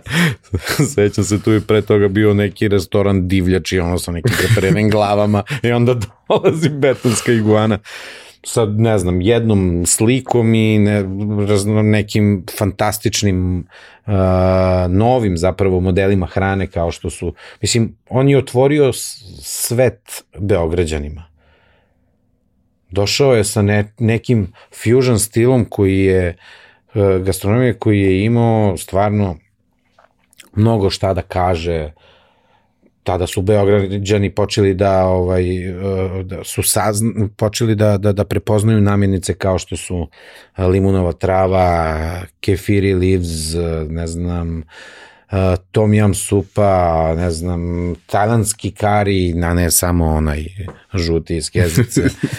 Uh, pa dalje taj kari, te kari pasta ili kako to, pa tako dalje i tako dalje. Znači imao je puno nekih mesto koje je stvarno dosta toga promenilo i mi smo tu živeli i ja sam umeđu vremenu tu nešto malo raduckao sa njim na polju cateringa, pošto smo dok je bila eklektika radili i to. U to vreme takođe science fiction, dakle niko nije pravio kanape za ono, prijem i tako dalje. Mi smo to radili. Mislim, možda je radio neko, neki restorani, radili su, nije da nisu, ali redko. Redko. I onda sam imao neke klijente koji su radili, pa sam radio sa njim i onda on me, mene pozove da radimo ovaj, uh, zajedno uh, nekoliko godina kasnije u restoranu na Ćošku. E, taj restoran na Ćošku, mislim, to je bilo tipa dve, možda čak i dve i po godine kasnije. Ta mala iguana se poruš, se porušila zbog zgrade neke, pa onda je on pokušao u nekom malom još jednom prostoru koji je bio bez veze, pa je na kraju došao do tog ćoška i on me rekao, ajde, dođi da radimo tu zajedno, tu sam ja u partnerstvu sa Dimitrijem Divitrijevićem, Batom, mojim drugim mentorom. Izuzetan čovjek, stvarno. Ovaj, mislim i pokojni Goran Jević je takođe izuzetan čovjek, ali i profesionalac stvarno ovaj, mnogo uradio za, za, za, sa, sa, sa tim svojim ovaj, restoranom. I ovaj, tu počinjem da radim sa njim i tu poznajem, uh, mislim ne sa njim, radim za njega, ko konobar. Umeđu vremenu sam stvarno kuvao svaki dan. Kod kuće, postoja internet u to vreme, skidao recepte, mislim nisam skidao recepte, nego vidim ideju, pa jel te, nismo imali namjenice, improvizujemo. pratio sam, u to vreme sam pratio australijske kuvare, jer su oni imali tada taj period fusion kuhinja, e, kuhinje koja je bila, pošto u Australiji ima najviše nacionalnih, e, najviše nacionalnosti na jednom mestu i tamo imaš sve moguće restorane, I, i te, nacionalne restorane svih tih ljudi. I to mesto je dosta daleko od svega. I dosta daleko i sve dosta daleko i meni je samim tim to bilo wow. Uh, volao sam da istražujem kako oni kuvaju i šta rade i tako dalje i lepe slike, lepo izgleda hrana, neke nove namirnice, sve mi je bilo, ja po ceo dan, samo sam o tome razmišljao i samo sam se time bavio. Ko šta radi, ja kuvam. I tako sam ovaj, uh, ovaj, upoznao Slobu kako, kad, u, u trenutku kada sam odlu, imao ovaj, uh, neku radnju, a to je bio ovaj, rad na mojoj nekoj kuvarskoj knjizi. Mislim, ono, kao cookbook s receptima. Sa nekim mojim prijateljima smo pravili, radili to ovaj, ja kuvo, imali studiju u mom stanu u kom sam živeo tad, spremao hranu i tako dalje. A da, da, da, pardon, evo to vreme. A, Goran je umeđu vremenu bio u Iguani, čini mi se jeste. To je bio period kada je Goran odlazio sa ćoška i otvarao Iguanu, ja snimao knjigu i pojavio se Sloba koji kaže ja hoću da pravim školu kuvanja i ja tu ulazim u partnership sa Batom i sa Vlastom, mojim sadašnjim partnerom, a isto tako i uh, ulazim u saradnju sa, sa, sa, sa Slobom na ovaj, tom projektu Škola kuvanja. Tako da sam ja kuvao ozbiljno u tom periodu i uh, stva, izučavao sam i ajurvedsku kuvanje i onda samim tim vegansku, ovaj, vegansko i, i makrobiotičko ovaj, uh, hranjenje, to jest kuvanje. Uh, moja bivša uh, žena je bila nutricionista, pa smo onda to sve nešto kao zajedno radili, ali sam ja uporedo pravio tu knjigu, koju nikad nisam isto. U stvari, da, nisam isto. Ali sam je ovaj, odštampao bio, pa sad više ne nemam nijedan primjer, sve sam razdelio. ali ovaj, slobodno se pojavljuje sa tim, ajde da pravimo školu konju. I sad on, naravno, jel te, dobro da me pitao na vreme, mislim, on je hteo nešto da, da, da, da počne da radi, ali ja vidim da on prosto nema iskustva u tome. To, to, voli, ali ne Voli, voli, Da, ali ne znam. A ja pod strahom propadanja klinike nisam dao da, da, da misli, nego sam uzmano ne može slobo to tako, propašćemo i tako, to nam je bio drive, ali uspeli smo, naravno, slobo je super, uh, vrlo je genijalan u tim svojim on je stvarno ima izuzetnu strasti prema, prema gastronomiji, mnogo voli. I to, sam, to se videlo odmah, sedao je sa svojom prijateljicom i on mene pita šta ti misliš, ja mu kažem ajde uđemo to, napravimo. Mislim, tu školu kuvanja, on ima neki, neki novac u to je hteo da uloži, uložio, krenemo mi, dogovorimo se kako ćemo da radimo, on, ne znam, pravi fotografije, pravi ambijent, priča, priča štoseve, a ja onda kao kuvam, uvodim ljude u to kuvanje kako treba da ispadnu ta neka određena jela i imali smo jednu ženu koja čisti tamo pere tanjire i na kraju upačite sve i to je to nas troje. I a, mi smo hteli da imamo školu kuvanja, moje ambicije su bile stvarno velike i njegove, ali prosto nisu mogućnosti dale to. I mi imali smo jedan stan, neki stan u nema veze, imali smo stan tu u centru i ovaj bio je bila je to jedna prostorija gde je moglo da se kuva sa dva neka šporeta, to kao neka kućna atmosfera i druga prostorija gde se jelo, pilo i tako dalje, ali smo imali ovaj u tim radionicama uh, posluženje od vino ili rakija koje ili mislim koje god piće mož, možda piješ sve vreme dok se kuva.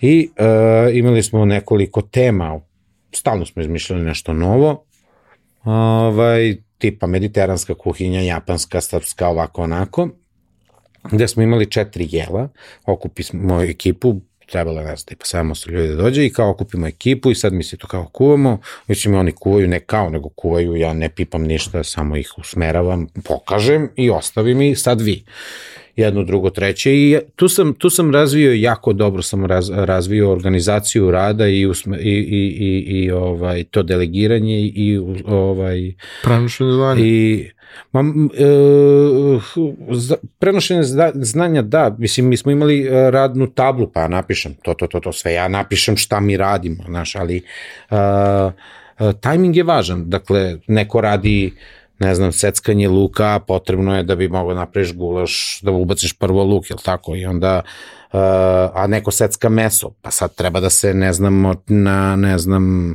pripremi, odmeri još, ne znam, vino, ostalo povrće za gulaš i tako dalje i tako dalje. I sad sve to ko kad sprema u koje vreme i kako jedan drugoga i ko dirigent. ja usmeravam, oni rade, ni jednom nismo imali kiks za godinu i po dana koliko smo mi to radili. Imali smo ih bezbroj. Ne znam, uopšte ne.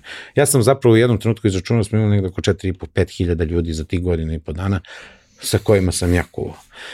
Nije nam bilo dovoljno, da, i tu svako veče onda mi to serviramo. Oni sve rade, ali sve ih mi tu usmeravamo, sloba slika, pravimo štoseve, sednemo, jedemo, pijemo, sve vreme sa njima i to postane, posle, je posle se, ovaj, tako malo, uvećali smo se.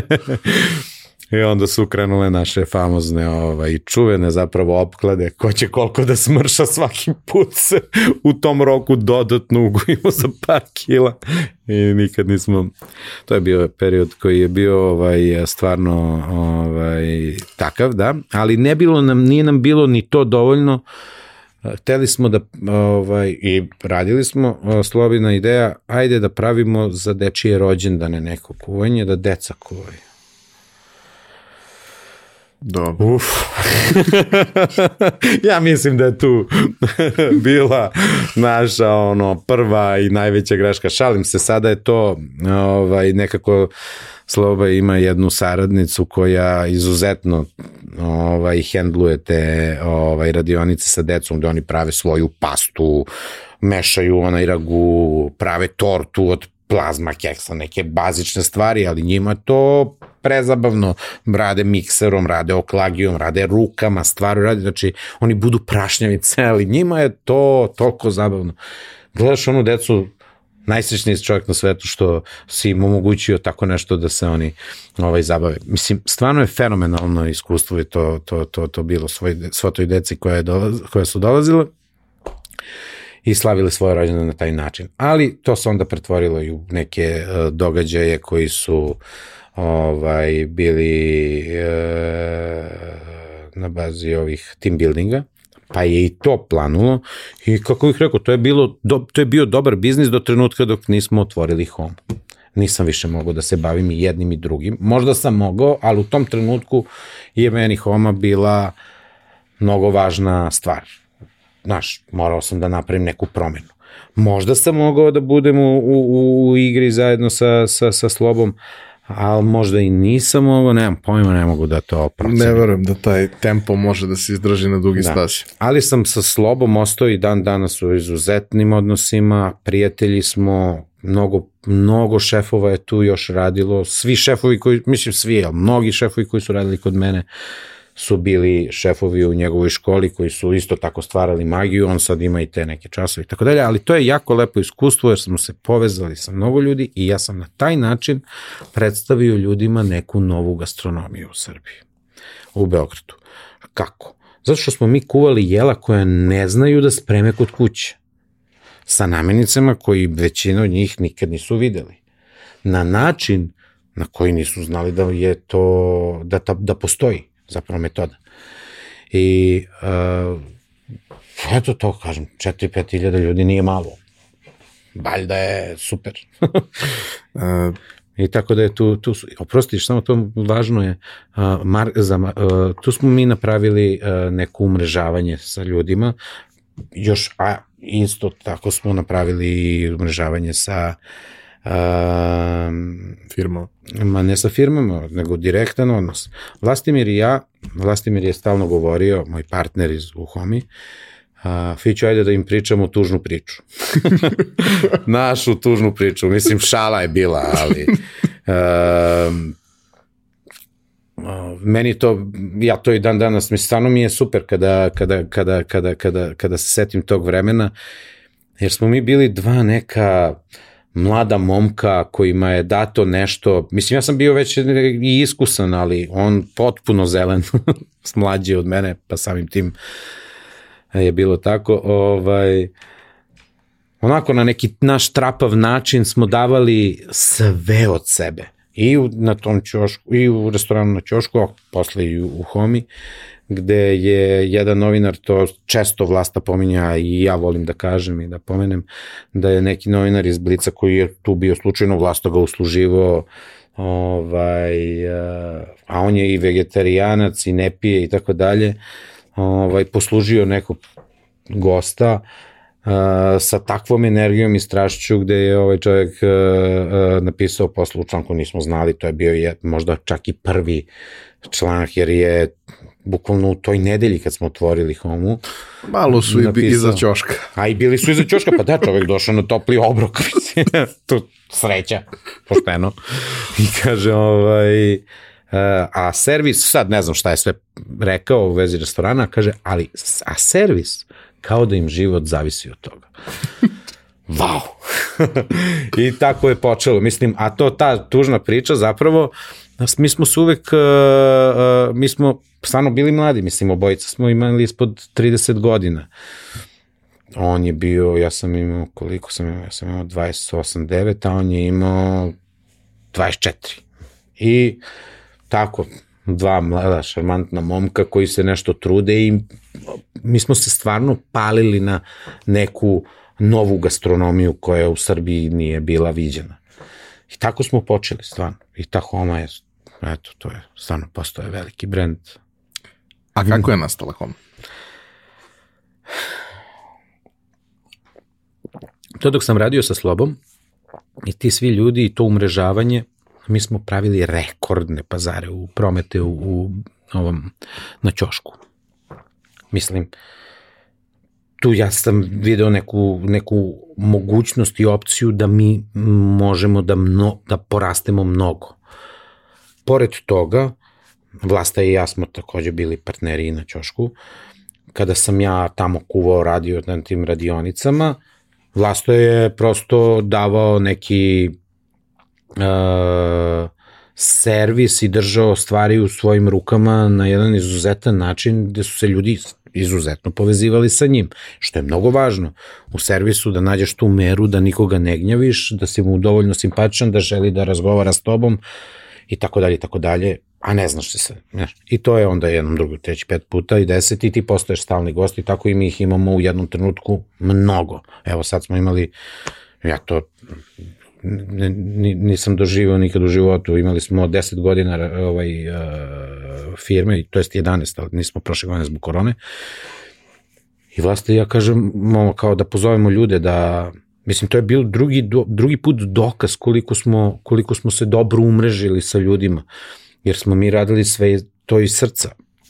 Ovaj, I prepoznali su ljudi tu originalnost i prosto iskrenost. Uh, u tome kako smo se mi obratili uh, našim ovaj, našoj publici ili gostima i tako da kažem uh, gde smo mi na, na, na, na, na našem tom rođendanu imali preko hiljadu ljudi mislim to je ono restoran gde možda uđe sto dakle haos Mi smo mislili da znamo iste ljude i da iste ljude pozivamo.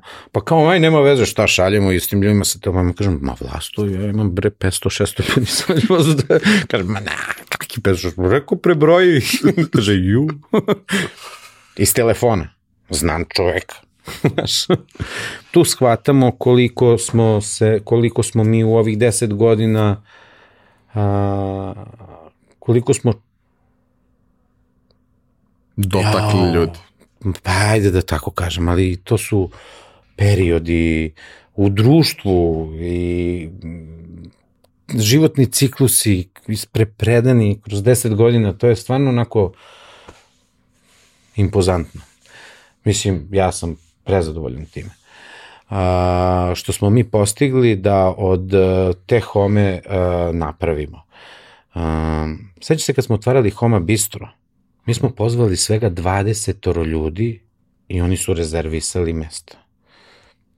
U Bistrovu. To je bilo pre 7 godina, 6-7.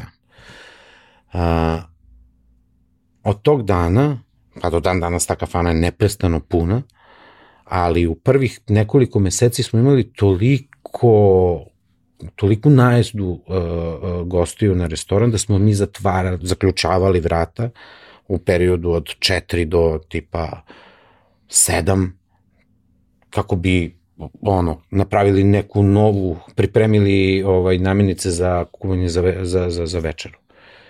Do te mere i da naravno opust, da, da, da stav se slegne i tako dalje. Znaš, ono, otvoriš vrata i tornado.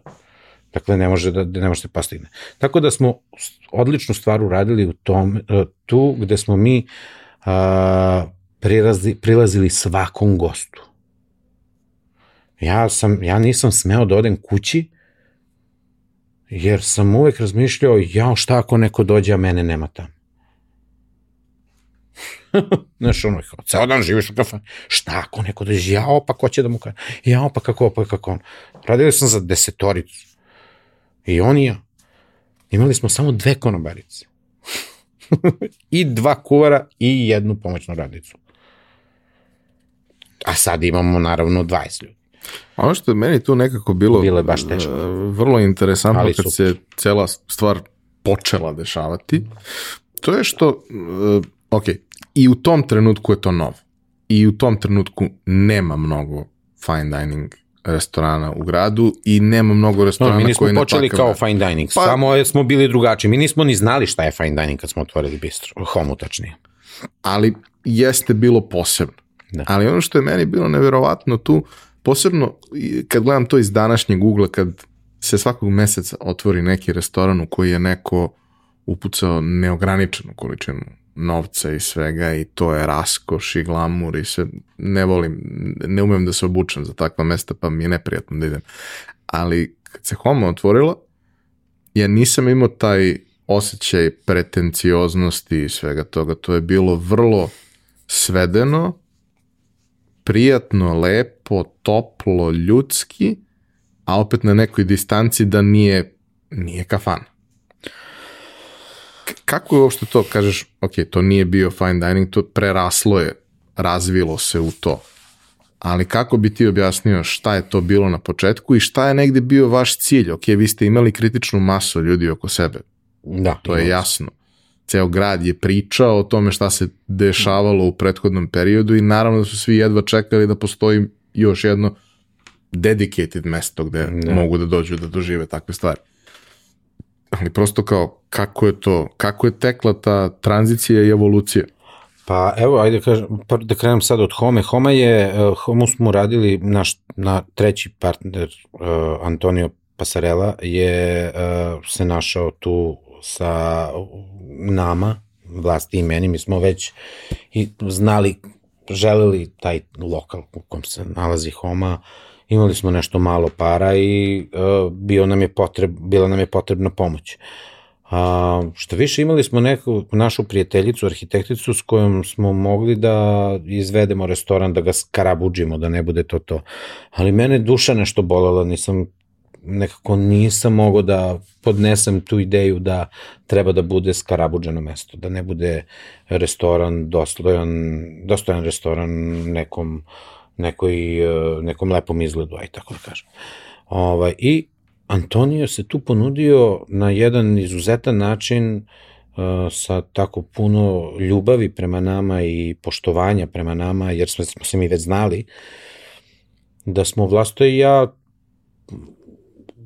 bili prosto onako počestvovani time što on želi da uđe u, u, u, u saradnju sa nama, jer smo ga tako doživljavali, mislim i dan danas imamo izuzetan odnos, ali uh, nam, nam je u tom trenutku to bilo tako. I uh, njegovo učešće nam je pomoglo da napravimo kvalitetno mesto, mislim, to jest da sredimo taj prostor i da liči na restoran, a ne da bude neka skarabuđena garaža. Jer je to i bilo mesto, skarabuđena garaža. I sigurno bi mi propali da, da, da, da smo to pokrenuli kao takvo neko mesto, garažu, jer sam ja posle uvideo koliko je to mesto bilo stvarno ruina. I moralo je da se uloži. Tako da je Antonio pomogao da dobijemo kredit e, i da napravimo to mesto i tako je to počelo. Um, Kako ste razmišljali o tome šta treba da bude ponuda? Da. A, tu je i Antonio došao sa predlogom da od njegove koleginice muž, naš jedan izuzetan arhitekta, a, Zoran Radojčić, se uključi u projekat, to jest da on napravi projekat tog mesta i da imamo prosto plan, da znamo u što ulažemo, koliko će košta itd. itd. I Zoran Radojčić je na razgovoru sa nama ovaj, tom, na, na temu projektnog zadatka došli smo do toga da nam je bilo potrebno ovaj, nešto monumentalno i svedeno gde bi trebao naš servis, naša hrana, naše, naša ta energija da bude dominantna i da ona bude ambijent. Ali da imamo i nešto monumentalno. I tu je, tako je nastao onaj betonski šank koji je tu kao betonski šank, skalamerija od kol, ko zna koliko tona betona. O, ovaj, I odatle, mislim, mi smo stvarno samo imali bele zidove, stolove i stolice u prostoru i taj beton. Baš ništa. I to je bilo mesto koje smo mi, uh, kom smo mi davali energiju. Jer je takvo. Tako je napravljeno. Um, I tu ja mislim da je ovaj uh, glavna, glavna, glavna stvar tog našeg uspeha, to je da smo mi uh, to, taj biznis personalizovali, kao uh, Steve Jobs i njegov ovaj, mislim, sad poređujem se sa, ne, ne, ne pravim poređenjem mene i Steve Jobsa ili vlasti Steve Jobsa, ali ovaj, tog nekog puta. Sve smo, uh, sve smo radili isključivo na osnovu našeg, naše strasti prema, prema tom biznisu. I bilo nam je važno da mi iznesemo nešto što niko nema na način kako niko ne radi, na mestu gde ništa ne postoji, mislim u okruženju i tako dalje, tako dalje. Mislim, imali smo previše tih unique selling propositions. I baš mnogo I to je zapravo i diglo, ovaj, podiglo prašinu da se priča o nama. Ali uvek ima taj jedan moment kad uh, osnivač neke priče ili osnivači ako ih je više, ako ne možeš da staneš ispred toga i da ti predstavljaš to što radiš, možda ne radiš pravu Ali stvar. Ali mi smo bili to, mi nismo stajali ispred toga, mi smo bili baš to. Sva trojica, baš to, 100%. I eto, to je, to je, tu je uspeh. E, Mislim, kako smo ga digli. Homa postoji, dakle, nekih 11 godina. Malo manje. Malo više od 11. Malo više od 11. Uh, Bistro postoji, koliko ti rekao, 6-7. Sad će 12. Da, sam, da napunimo, da, Bistro 7 godinu. Posle pete godine smo otvorili Bistro. Šta je bila ideja sa Bistrom? Naslanja se na brend koji je već vrlo u tom trenutku utemeljen da. Da, na tržištu. Je, da, da. Temeljen je, utemeljen je bio, bio je i pre taj period kada smo otvarali bistro, bili smo izuzetno popularno mesto. Uh, mislim, imali smo taj uspon i bilo je nekako onako prirodno da otvorimo još jedno mesto koje bi imalo, koje bi diferenci, uradili neku diferen, de, diferencijaciju od ovoga što već imamo, ali pod istim imenom. I mislim da nismo bili svesni što, šta to može da donese i šta to znači, sad smo svesni. A to je da smo dali ime nečemu što je postalo prestiž i što nije više, mislim što već ima nekakvu višu vrednost, dali smo neku, dali smo uh, bistrovu isto, mislim to je sad Homa bistro, ovo je Homa fine dining. Pomogli smo fine diningu zato što se sad tu izražava fine dining, a bistro tako što mi pojednostavljujemo fine dining. I postoje pristupačno svima. Komforno, povoljno, lepo, originalno. Hrana je opet svoja, mislim, sve su neke, svako jelo je neka kreacija. U tom trenutku bila sad, mislim, znaš. Ode moj kuvar na neko drugo mesto, donese novi jelovnik, pa pravi neko novo jelo. Mislim, što je normalno, uopšte ne osporavam, takav je posao, uopšte niti se ljutim, baš me briga. Ali je, znaš, ono nekako u tom trenutku neki najosnovniji uštipci od tikvica su postali posle pola godine u svakom restoranu uštipci od tikvica. Ali nigde nisu. Dan danas ovu saksiju koju smo smislili pre 12 godina, pre, neki, pre par nedelja u Portugalu u nekom kao creative gastro hub, moja saksija. Nego nije bio šef da ga pitamo dakle ti, isto identičan recept. Tako da smo napravili stvarno super stvari i tu je, ali i ta saksija, evo to, 12 godina neke saksije, čoveče. Saksija kolač. Ja više, a, da, hvala. Pošto, mislim, možda, možda neko nisu bili, mislim da stvarno jedemo saksije, ali saksija je kolač. Saksija je kolač. Mislim, i dalje saksija i to je, mislim, super je kreacija za to vreme, pa i dan danas, izuzetno efektna stvar i Pa eto, super, baš sam ponosan. Ja se sjećam kad sam bio klinac, ja zaboravio sam ime tom šefu, bio je u Majestiku, u hotelu Majestic, uh, executive šef ili šef, nije važno, koji je bio uh, veoma popularan u tome što je napravio i izmislio mnoge neke recepte koji su bili standard srpske gastronomije do skoro, a možda i dan danas. A to su smuđ na smederevski način, Karadžorđeva šnicla, ne znam šta još beše, nema veze. Ali ja kad sam bio klinac i kad sam kuvao i kad se palio, bio sam jo što bi volio da ja jednog dana napravim takve recepte koje će svi moći da ovaj, koriste. I stvarno sam ponosan na to, jer mnogo je recepata. Ja, ja godišnje sigurno kreiram, iako nisam u kuhinji, pa bar 50, ma kak je više, 100 recepata. 100. Mislim, nije malo. Nije. Možda i više. Ono što... Sigurno više. Uh... Ali kad kažem, izvini, 100, to je normativ. Kost, cena, sve, upotrebna vrednost, proizvedena i radi se. Takvih 100, ne onih 100 kao. Ne 100 nešto, ideja. Ne 100 ideja, nego 100 realizacija. Uh, sećam se prvi put kad sam svratio u bistro, a ima tome pa 5-6 godina, verovatno, ovaj, vidio sam ambijent, svidio mi se ambijent, jer je baš onakav kakav ja volim da bude to nepretencijozan, neke vrlo mirne, lepe boje, nije bila prevelika gužva, to je nešto bilo u nekom periodu koji je realno pre ručka. Znači, mm -hmm. ne znam, možda sam 12, pola 12, 12 imao neki sastanak, taman da. pre nego što dođe gužva. I sve, i seo sam, prišla mi je ovaj, devojka koja je radila, koja je bila divna, nasmejana, ne napad na sve ono što obično nije u našim restoranima. I uh, pitala me piće ili, ili ručak i to su ja sam rekao pa mogu, mogu bi nešto da, nešto da vidimo Daj, šta da vidimo. i kako i ona mi je donela meni i uz meni mi je donela kiselo mleko i uh, gibanicu. I ja sam odlepio. Prvo, to je Dok razmisliš da gricneš. jedna od najboljih gibanica koje sam pojeo.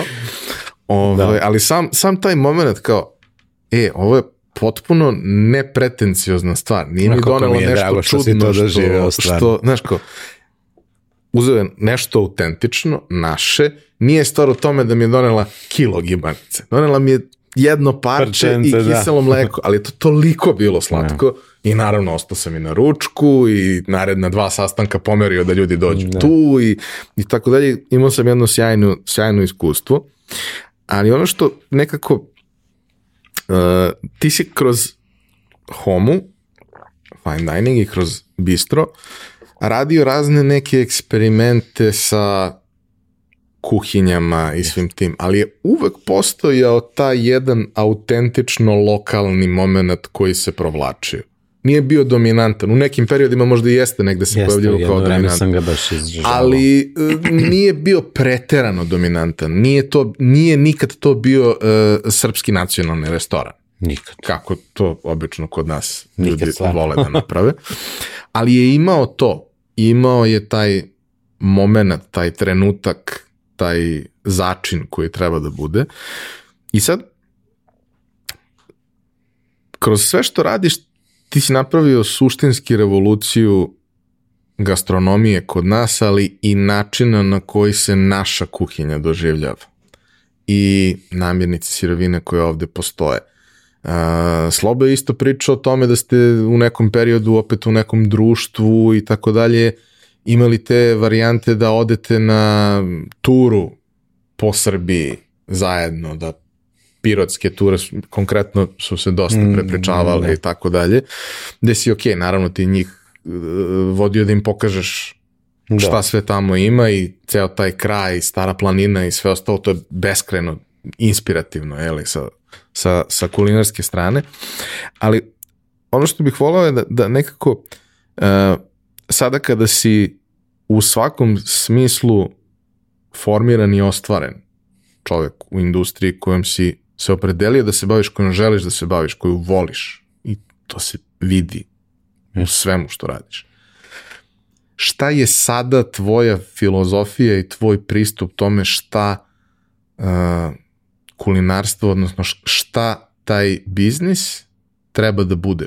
Kako mi treba da se s jedne strane biznis treba da bude biznis, taj deo je jasan.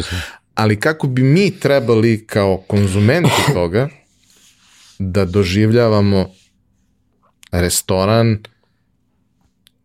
kuhinju, ponudu, da to nije samo, mislim, to se mnogo menjalo, percepcija ljudi se mnogo menjala kroz godine, ali i dalje nam fali malo civilizacijski da dostignemo neke stvari finansijski smo možda stigli do nekle, ali još uvek nismo evolutivno stigli svi tu gde treba. Nekako taj, ta tvoja, tvoj lični put se jako vidi kroz to šta si radio i kako bi ga ti opisao, kako bi ti definisao to. No, baš je opširno, ali pa, mislim... Pa, tako se ja, moje pitanje su generalno dosta da, komplikovane. pa mislim, uh, uh, Mm, mi smo, mislim, moja ideja je uh, uvek bila da restoran mora da da osnovnu, onu, ono što, osnovu koju, koju čim se restoran bavi, a to je ukusnu hranu, zdravu ukusnu hranu. Sa kažem zdravu, tu postoji neki twist, ali obrazložit ću posle, ali ukusnu hranu jer bez svi se mi na neki način vezujemo za ukus. A ukus, sam, sama reč i sama, sama, sama misao, kada kažemo ukus, ima i ovaj može da se uh, uh, uh, sagleda i, i u onome kako, kako je kakvo je, kakvo je naše držanje, kako je neki, nekakav izgled. Znaš ono kad kažeš, e, on je bez ukusa ili sa puno ukusa, znaš, neko ko zna da ume da se, da ima nekakvo držanje i tako dalje. Koje je satkano, jel te, od emancipacije, vaspitanja, znanja i tako dalje i tako dalje. I to kako restorane možemo u budući da, da doživljavamo, ja mislim da je važno da ovaj, pre svega se treba razumeti restoran, res, restoransko poslovanje i to što znači restoran. Jer ima mnogo nekih sitnica i detalja koji to čine, ali e, čini mi se da svi mi ne znamo baš da, da, da ono kao ga prihvatimo u potpunosti. I to je ono kao što malo pre ti kažeš o fajn restoranima za koje moraš da se obučeš. Evo, ja sam juče sedo imao gosta u, u restoranu koji meni kaže, pa ja pare leba da nemam, ja bi bio, ja bi živeo u luksusu. ja sam, ga, sam se oduševio njegovim izjavom. Ali zašto je on to rekao zapravo? On je čovjek koji voli da se obuče, da se uh, ponoša u skladu sa, sa nekom situacijom. Na primjer, on kad pokazao mi tako neke sa ovaj primere i ja sam stvarno od, oduševljen. Tako da postoje restorani u koje odlaziš, mislim restorani, mesta gde se hranimo, imaju raznorazne neke a, sad, karakteristike karakteristike, pa jeste. Tako da, naravno, možemo ovako u šorcu i patikama i u pidžami, bukvalno ispred zgrade da siđemo i da kupimo neki, ono, ne znam, parče pice i da ga, ili burek i da jedemo usput. Mislim, što kao to? Ništa nije ružno, jel da? Tako je. To je okej, okay. ali isto tako kad idemo u fin restoran, treba da se obučemo. Mislim, možeš ti da odeš u papučama i u, čak i u šorcu, ali ako to izgleda i ako je primerano stilski za to mesto. Vrlo je jasno kako mogu da izgledaju takve papuče i šorc i one druge papuče i šorc za picu i ovo. Tako da su to neki nivoji finoće ovaj, koje, koje, ko, sa kojima mi treba da imamo nekakav odnos. Kada su isto tako i restorani, jer oni imaju tu neku taj neki nivo te svoje finoće. I mi svi to i biramo na osnovu finoće koja nama imponuje. Dakle, ja mogu da imam ne znam, pretenzije da se hranimo u ovakvom ili onakvom restoranu kao naviku, ali opet je i okej okay, i lepo je da odem i opet na tu picu i u taj fine dining stvar. Mislim, pa, pizza parče. Mislim, uvijek postoji taj moment ovaj, da, da često kad, kad pričamo o svemu tome, dok ljudi ne razumeju da prosto neka vrsta iskustava u životu, bilo da je u pitanju gastronomije ili nešto drugo, nije za svaki dan. Pa i nije. Samo nije. Mislim, evo ja mogu da poredim na, na osnovu uh, home, fine dininga i bistroa. Bistro je restoran, mislim, sadržaj u kom možeš da... Dođeš na brzi biznis lučak. Ma možeš da dnevno imaš i doručak i ručak i večer, to jeste naš cilj poslovanja, da mom komši budem dnevna soba sa full servisom, da on može da radi, da ja mogu da mu poslužim doručak, ručak i večeru da može da dođe sa prijateljima na opušteno, da može da pravi neku romantičnu večeru neku jel te, intimnu atmosferu, pošto svaki sto ima svoju, ta sjelica je čudo. Znači, kao, uh, mislim, izgleda kao da si u kokošinjcu, znaš, ono kao iznad hranilice i svi su tu. E, baš tako, to je neka čudna psihologija. I ti kada sediš za stolom gde ti je tu lampa, ti ne primećuješ ništa oko sebe. Neverovatno koliko intime to daje. Zanimljivo. A možeš da napraviš i poslovni sastanak i da ti isto Baš to hoću da kažem. Dok recimo fine restorani su gastronomski performans. Mislim, mi performiramo našu umetnost i to je suština. Mislim, to stvarno i definicija je zapravo. Ti u fine dining restoranu predstavlja, performiraš nekakvu umetnost na mnogo načina, u različitim stilovima, povezuješ mnogo toga, ali to je umetnost. I to je, naravno, možeš da, možeš da, ali je, ima previše senzacija koje su nama možda ono, i previše nepotrebne. Nisu nam organski potrebne. Znaš, ono, kao prirodno, treba da se hraniš da bi prosto zadovoljio funkcije organizma. Ovo je doživljaj. E, kad ideš na doživljaj, mislim, kad ideš u pozorište, obučeš se, ali tako? Kad ideš na izložbu, na event, tako, sve, lepo, doteraš se pa ideš, e, tako i fine restoran. I to tamo treba da se očekuje.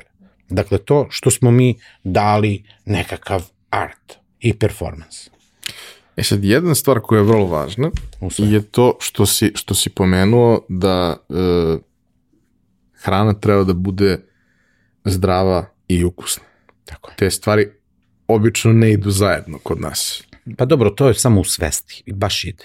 Ne, ne, mislim, to da. može da se napravi, nego po defaultu... Jest, ljudi misle, tako je. Je ona varijanta, ako je ukusno, ispljunika. Ovaj, međutim, ja sam kroz sve ono... Surovo ovo zvuči. Pa jest. Sve što ti se sviđa, to ne smeš. Ali može, može bareno povraći. Pa onda shvatiš da neko i od barenog i grilovanog povraća može napravi čudo. Samo treba da ume. A može da napravi i da bude karton. Znači, može da bude, da. Može svakako da bude. ja sam par puta imao, imao priliku i, i nedavno kad sam bio, ovaj, kad smo se videli, da probam nešto sa novog menija i sad, ok, ja sam stvarno video svašta u životu i probao i bio na raznim mestima, ali jednostavno postoje stvari koje nikad nisam ni čuo ni video i ja te pitam da mi objasniš, ti mi objasniš i kažeš dobro i to je jedino što treba da mi kažeš, ja probam i ne da je dobro, nego je nego sam ja pričao tri dana o tome. Sad. E, to je super. To je benefit. A, a nisam došao i nisam pojeo ono 20 ćevapa, što očigledno volim da radim, mm, jel? Da. Ovaj, nego sam probao nešto što je veganski, što ima zapravo gomilu stvari koje ja pojedinačno volim, ali ih nikad nisam jeo u takvoj kombinaciji, tu ima i neki pečurak, nekih žitarica i svega toga, ali celo iskustvo je potpuno nesvakidašnje i neverovatno. I sad taj moment naš, pravljenja i, i fokusiranja na zdravlje sa jedne strane, a sa druge strane na ukusi i mirenje te dve stvari da dobiješ proizvod koji je zaista zaokružen i ono što treba, to je možda najviši nivo te umetnosti o kojoj pričaš. Jer napraviti e, nezdravu stvar koja je ljudima ukusna nije preterano teško.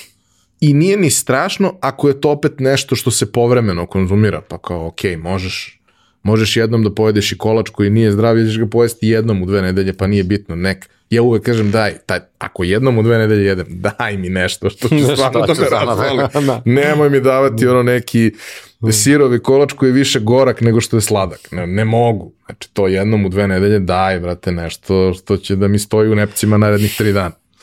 I kad me pukne šećer da, da znam da sam bar stvarno haj.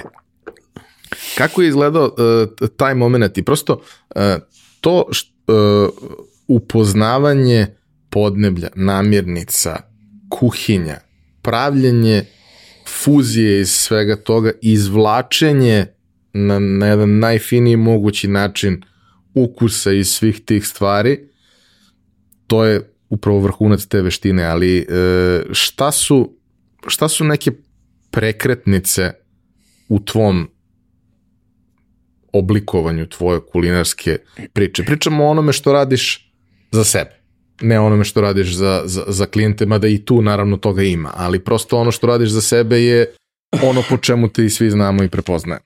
Ja nekako uvek radim za sebe, ne umem to da razdvojim i to stvarno tako uvek se dam i uvek želim da napravim nekakav uh, sadržaj koji bi bio dobar za tu priliku. Ali, šta se desilo, šta se dešava kada, kada kuvamo, kada, kada ja razmišljam o, o, o, o, o hajde da kažem, o ishrani. E, to je ta reč. Ishrana, gde je tu, šta je tu zdravo? U ishrani postoje sad mnoga neka, mislim, mi možemo da analiziram, da, da, da, da tražimo raznorazne ono, primere uh, o tome šta je zdrava ishrana i što naučno, što ovaj, ovako šta priroda naša traži i tako dalje. I ok, mislim ja se time bavim pa mi pa o svemu ponešto znam i čitam i pratim i prosto zanima me i onda iz toga svega dolazim do određenih rešenja kada je u pitanju zdrava hrana. Uh, A, zdrava hrana za mene je, a, mi prosto, što je zdrava hrana? Eto da objasnim što je zdrava. Zato što mi a, e, tragamo za tim ukusom i nama je super kad jedemo onako uh, crunchy burnt piece of uh, fatty meat. To je ukus koji je, ja bi to, samo to jeo u životu. Znači ništa drugo ne bi probao. I sada mi možemo to sebi da obe, ove, priuštimo i tako se hranimo i naravno postajemo bolesni. Moramo da jedemo zdravo. Kako da jedemo zdravo, a da nam, ne bude, a da nam bude opet nekako ukusno i da nas na neki način uh, za, pridobijemo pažnju ljudi koji, koji, koji žele da se zdravo hrane. I pa čak i onih koji se suštinski zdravo hrane da dobiju nešto pak kao wow, vidi što može ovo da bude dobro. I uh, to su uglavnom mm, namirnice biljnog porekla koje mi unosimo u izuzetno minimalnoj količini, jer naš ovaj organizam, mislim, naš želudac može da primi negde oko 400 grama hrane, normalan želudac, neki mogu da prime i više, ali normalan želudac 400-500 grama neka je, gde je otprilike četvrtina protein iz mesa, mislim meso, a gde je preporučljivo 75% ovaj, vlakna, znači povrće ili voće. Ali opet pa postoje i te neke, ili pa mislim ono, mahunarke i tako dalje, plant-based. Ali je opet imamo i tu sad neke raznorazne ovaj, a, a, a, modele kako se prosto neke namirnice s drugim pak ne slažu i tako dalje. I sad svi mi nekako privrgavamo se zdravoj ishrani, to sad sve što je pričam svi znamo, ali ovaj privrgavamo toj uh, zdravoj ishrani jer shvatamo da nam je ono kao pa i u, go, mi u godinama 134, pa i ranije, nije važno. Shvatili smo da je hrana lek. I ono kad sam malo prepomenuo Ayurveda, meni je to baš dosta značilo ovaj, u životu dok nisam imao restoran nikakav, pa sam kuvao kod kuće i izučavao Ayurvedu i Ayurvedsku ishranu. To sam shvatio koliko je važna, važan taj odnos vlakna a, a, i na koji način i u koje vreme u naš organizam. I koliko nas to čini zdravim i koliko nas vodi na neki ispravan put, jer sam se ja tada kada sam tako kuvao i jeo, lebdeo kao neki vilenjak toliko sam se dobro osjećao. Ali ok, promeni se, znači to je, za to je pak potrebno neko, nekakav način življenja koji je onako malo zahtevno je u odnosu na ono kako se zapravo danas živi. I šta sad? Ja dolazim do toga da treba da se ovaj, bavimo povrćem. Ja povrće, ja suštinski volim da jedem povrće i uvek, ja uvek imam taj problem kad jedem meso kao, jao bože, pojao sam pola kile mesa, treba da pojedem sada 6 kila povrća, što ono kao je napravio ravnotežu, a nemam gde toliko da stavim. Mislim, iskarikirao sam, ali stvarno je važno. I ovaj, odatle je, sam počeo da, da, da tražim neke sadržaje koji su po, onako svojstveni mojom, mom karakteru i mojoj energiji i tako dalje i Svaka namirnica ima svoju anatomiju, kao što životinja ima svoju anatomiju koju mi jedemo, tako i, ne znam, neka žitarica ili paprika, povrće, zavoć, šta god, ima svoju anatomiju. I odnos prema ob korišćenju svih namirnica na ovom svetu mora da ima svoju nekakvu ovaj, uh, vrednost, tako da kažem. I onda kada se to znanje i umeće umnožava oko toliko namirnica kojih ima previše na ovom svetu, gledajući iz tog ugla, se ovaj u mojoj toj uh, zapravo tu se dešava alhemija. Tu ja dođem do toga kako da spojim sve te namirnice, na koji način da ih obradim ili ne obradim i uh, serviram i plasiram i, i, i, i oduševim nekog, to je da mu dam benefit. Slobodno kaže oduševim. Mislim, ne moraš da. ti ja ću, ali oduševim. I to mi je, ja, ja, ja idem samo do oduševljenja, ja ne puštam jelo dok nekog ne vidim nečiju facu da se oduševio. Ako vidim od troje jednog da se nije oduševio, to ne ide napolje. Mislim, ne izlazi u prodaju, ne ide, ne ide u restoran. Evo, pre neki dan smo radili nešto genijalno, sam, sam zamislio i ovako i onako.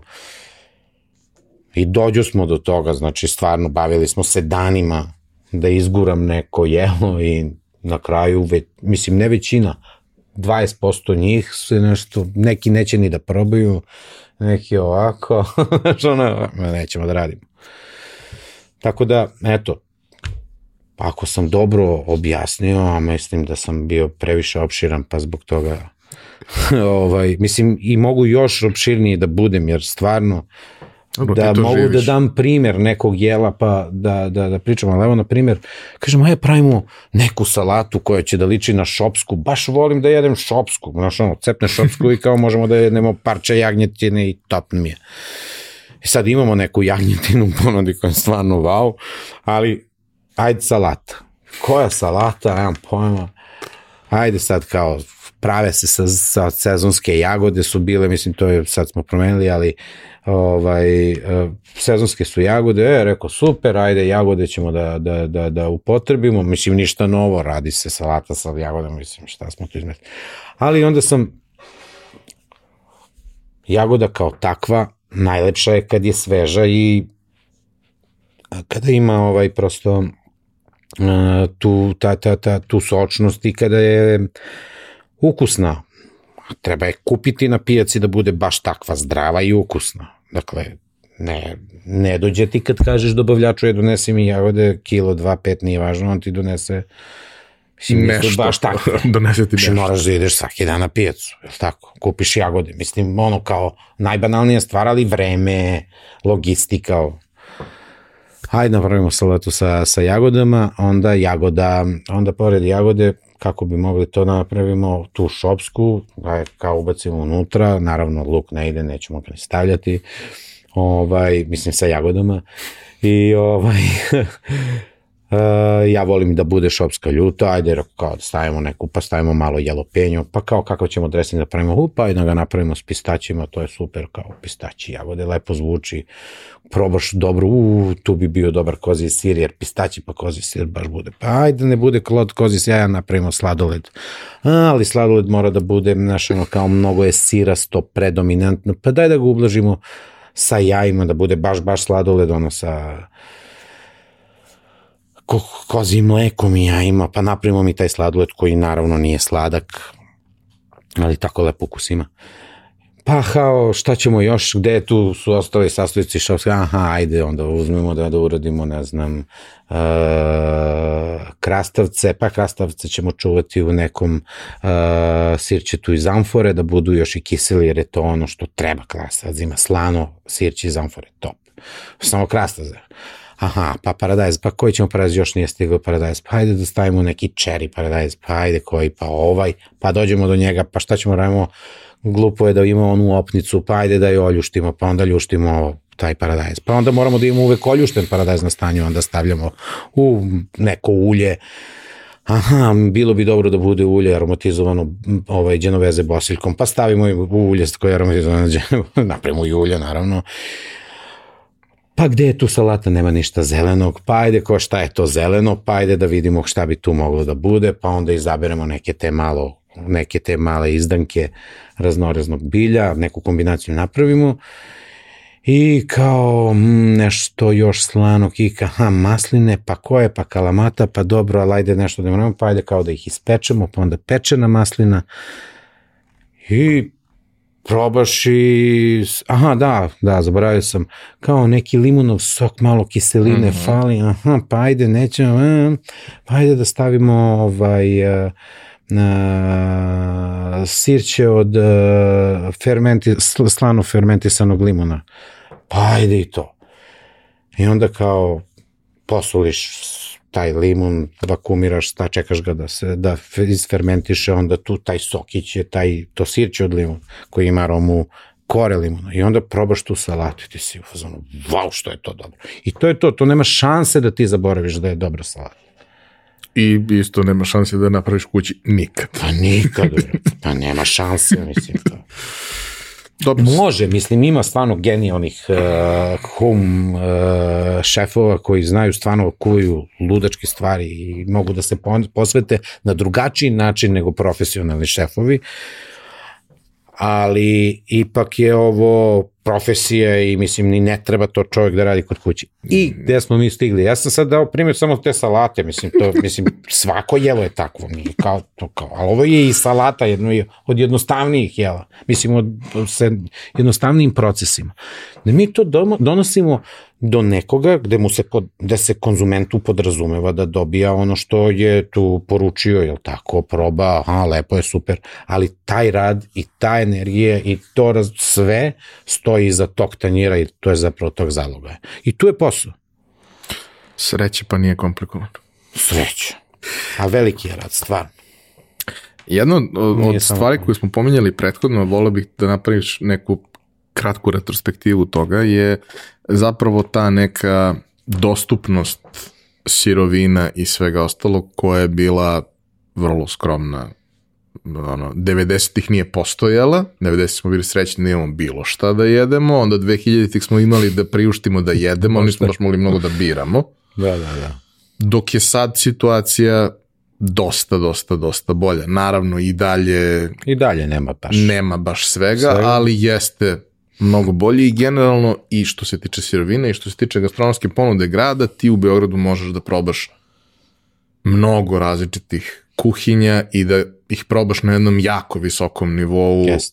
za neke prilično pristupačne uslove u yes. poređenju sa tim kako je to u, da kažemo, najrazvijenim zemljama i sve ostalo. Kako je izgledalo iz tvog ugla kao saučesnika, ali i neko ko je posmatrač sa boj, bojnog polja, kako je izgledao taj proces, kako se to menjalo i sirovine i tržište?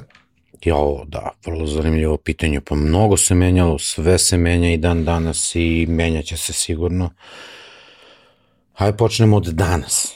Danas je tema uh, zdrave, hrane, zdrave hrane, zdrava hrana je tema zapravo, uh, očuvanje životne sredine, uh, očuvanje zdravlja ljudi, pridaje se velika pažnja i važnost samoodrživim na sadržajima, konceptima u svim industrijama, ne samo u gastronomiji, ali i u, in, u gastronomiji.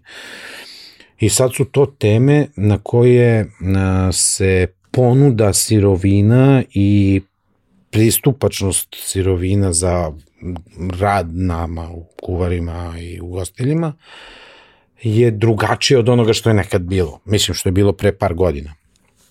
Pre par godina je bilo važno da imaš m, sve moguće katove a, svih mogućih a, krava sa ovog, na ovom svetu ovaj, za grill. I onda smo, to je bila pomama za tim ko će da ageuje meso, ko će da uveze meso, ko će da to proda, ko će da to sredi i napravi. Zapravo trend dosta određuje, trend kao takav. I šta znam, nekad je bilo teško doći do namirnica koje su to e, azijskog karaktera i Dan danas u Beogradu, evo sad na primjer za to ageovano meso i za, ne znam, uveženo to meso i za te azijske neke namirnice, ima od svega po par nekih ljudi, firmi koje se time bave. Da, u tom distribucijom u Horeki. I mi na neki način dođemo do toga, ali to je sad kao period, znači, evo za taj azijski mod, ovaj, period kada se to dešavalo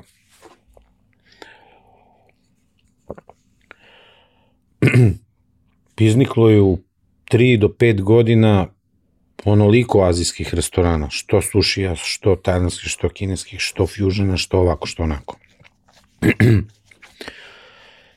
I sad to više kao podrazumemo se, mi smo prešli taj nivo te igrice, sad kao bavimo se ovim čime se sad o čemu se sad govori, a čime ćemo se baviti u narednih pet godina.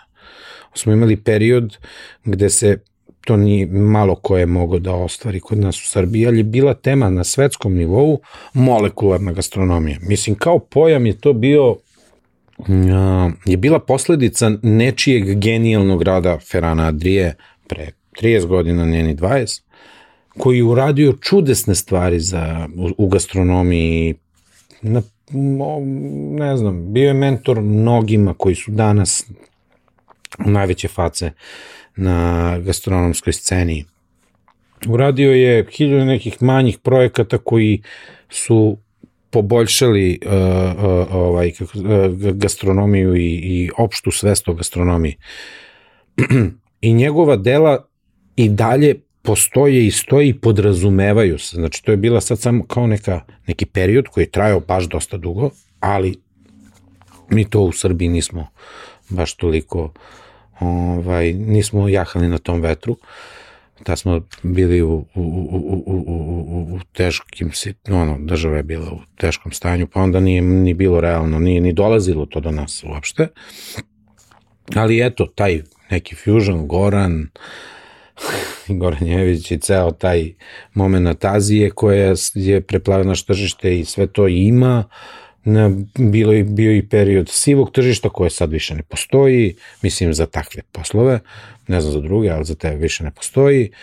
Dakle, sad sve je ono, legalno, dolaziš do namirnica, neko uvozi, snabdeva i tako možemo svašta da nađemo. Ali, ali mislim da to više zapravo nije ni tema, jer možemo stvarno sve da nađemo, u krajnjem slučaju ako mi je potreban neki kavijar ili ne znam neka posebna so ili ko zna kakav neki uh, fer, fermentisani proizvod ili komad ribe i tako dalje, možemo do svega da dođemo zato što sad lako možeš da uvezeš i možeš lako da nađeš na netu gde to ima ako nema u Srbiji i možeš to da koristiš ako želiš to da koristiš, to jest ako možeš da platiš i ako imaš isplativost u tome. Ovaj, tako da se sada svi mi okrećemo ka tom nekom, nekom a, o, konceptu samodrživosti, prirodne hrane, domaće hrane, to free range, organic, bio, natur, kako god mi sad sve to mogli da nazovemo, sa minimalno intervencija a, a, a, koje, koje, koje su ovaj a, u proizvodnji hrane koje su ovaj potkovane nekim hemijskim jedinjenjima koje nisu zdrave ni za prirodu, a ni za zdravlje čoveka. I sad mi idemo svi ka tome, mislim to je sada ne tren, nego uh, sećam se o, o, o očuvanju prirodne sredine i, i, i zdravlju se od uvek govorilo, ali čini mi se da se nikad nije više govorilo nego sada i to svakako postaje trend i mislim da ćemo svi se okretati ka tome da predstavljamo našu, da predstavljamo, da pravimo hranu od namirnica koje su ovaj, proizvedene na zdrav način i samim tim mnogi manufakture i mnoga zanatstva će ovaj, se sada još više ovaj, će ih biti, gde ćemo mi ugostitelji da se povezujemo sa tim da možemo da pravimo našu novu hranu i da naše nove koncepte restorana nastavimo. Da, postoji taj moment da zapravo mnogo više tih malih će imati šansu da opstane i funkcioniše i neće biti isključivo vezano za uh, ekonomiju skale i količine. Da, Što Tako je, je nešto na čemu smo se bazirali jeli, prethodnih 50 godina. Bila je situacija da je planeta gladna, problem gladi je rešen tako što je razvijen ono, hemijski metod kako može da bude veći prinos, može da bude veći plod, sve ostalo, ali to što smo dobili... Veća bolest. I kvalitet svega toga, taj aspekt zdravlja, ukus svega toga, to je ono nisi pojao 10 godina paradajz koji ima ukus. Kad naletiš slučajno negde na paradajz koji ima ukus, setiš se kako Tako je to bilo, je. pa ti bude čudno. Tako je, evo sad u Španiji, mislim, oni imaju taj običaj da donesu dobar paradajz pre bilo čega. Donesu ti čovjek, pa svaki restoran, mislim svaki, većina, ponose se time što imaju takav paradajz. To radi i italijan, to radi svi na celom svetu, mislim, to, to je nekako u nama da se mi I što je dobro, hvala Bogu da je to sad pravac. Mislim, prepoznajem svuda gde god da odem, to vidim, vidim. Imaš, imamo u Hrvatskoj, imamo u Srbiji, imamo eto, u Španiji, imamo u Italiji, sve gde god. To je dobro, da doneseš to. Ono što, što sam hteo da Tako, te bez pitam, ikakvog kuvanja, samo so. Pa i ne treba Pa ništa šta više. Ima taj moment, ukus paradajza, kad je paradajz dobar je neverovatan, on bilo koji, nije Pa i važno, miris. ali miris.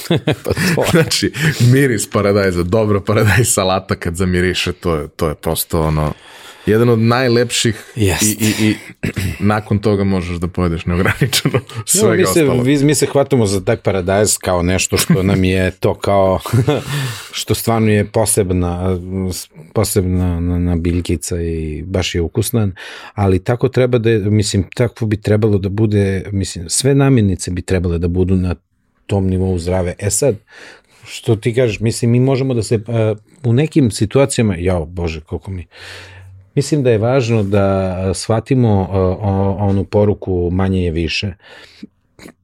Baš sad u ovoj situaciji kada na neku sad izmišljenu i koju ću da predstavim, na primjer ja kao šef, da li bi ja mogao sebe da zamislim sa 20 sirovina? Baratom samo s 20 sirovina. I pravi hranu samo s 20 sirovina.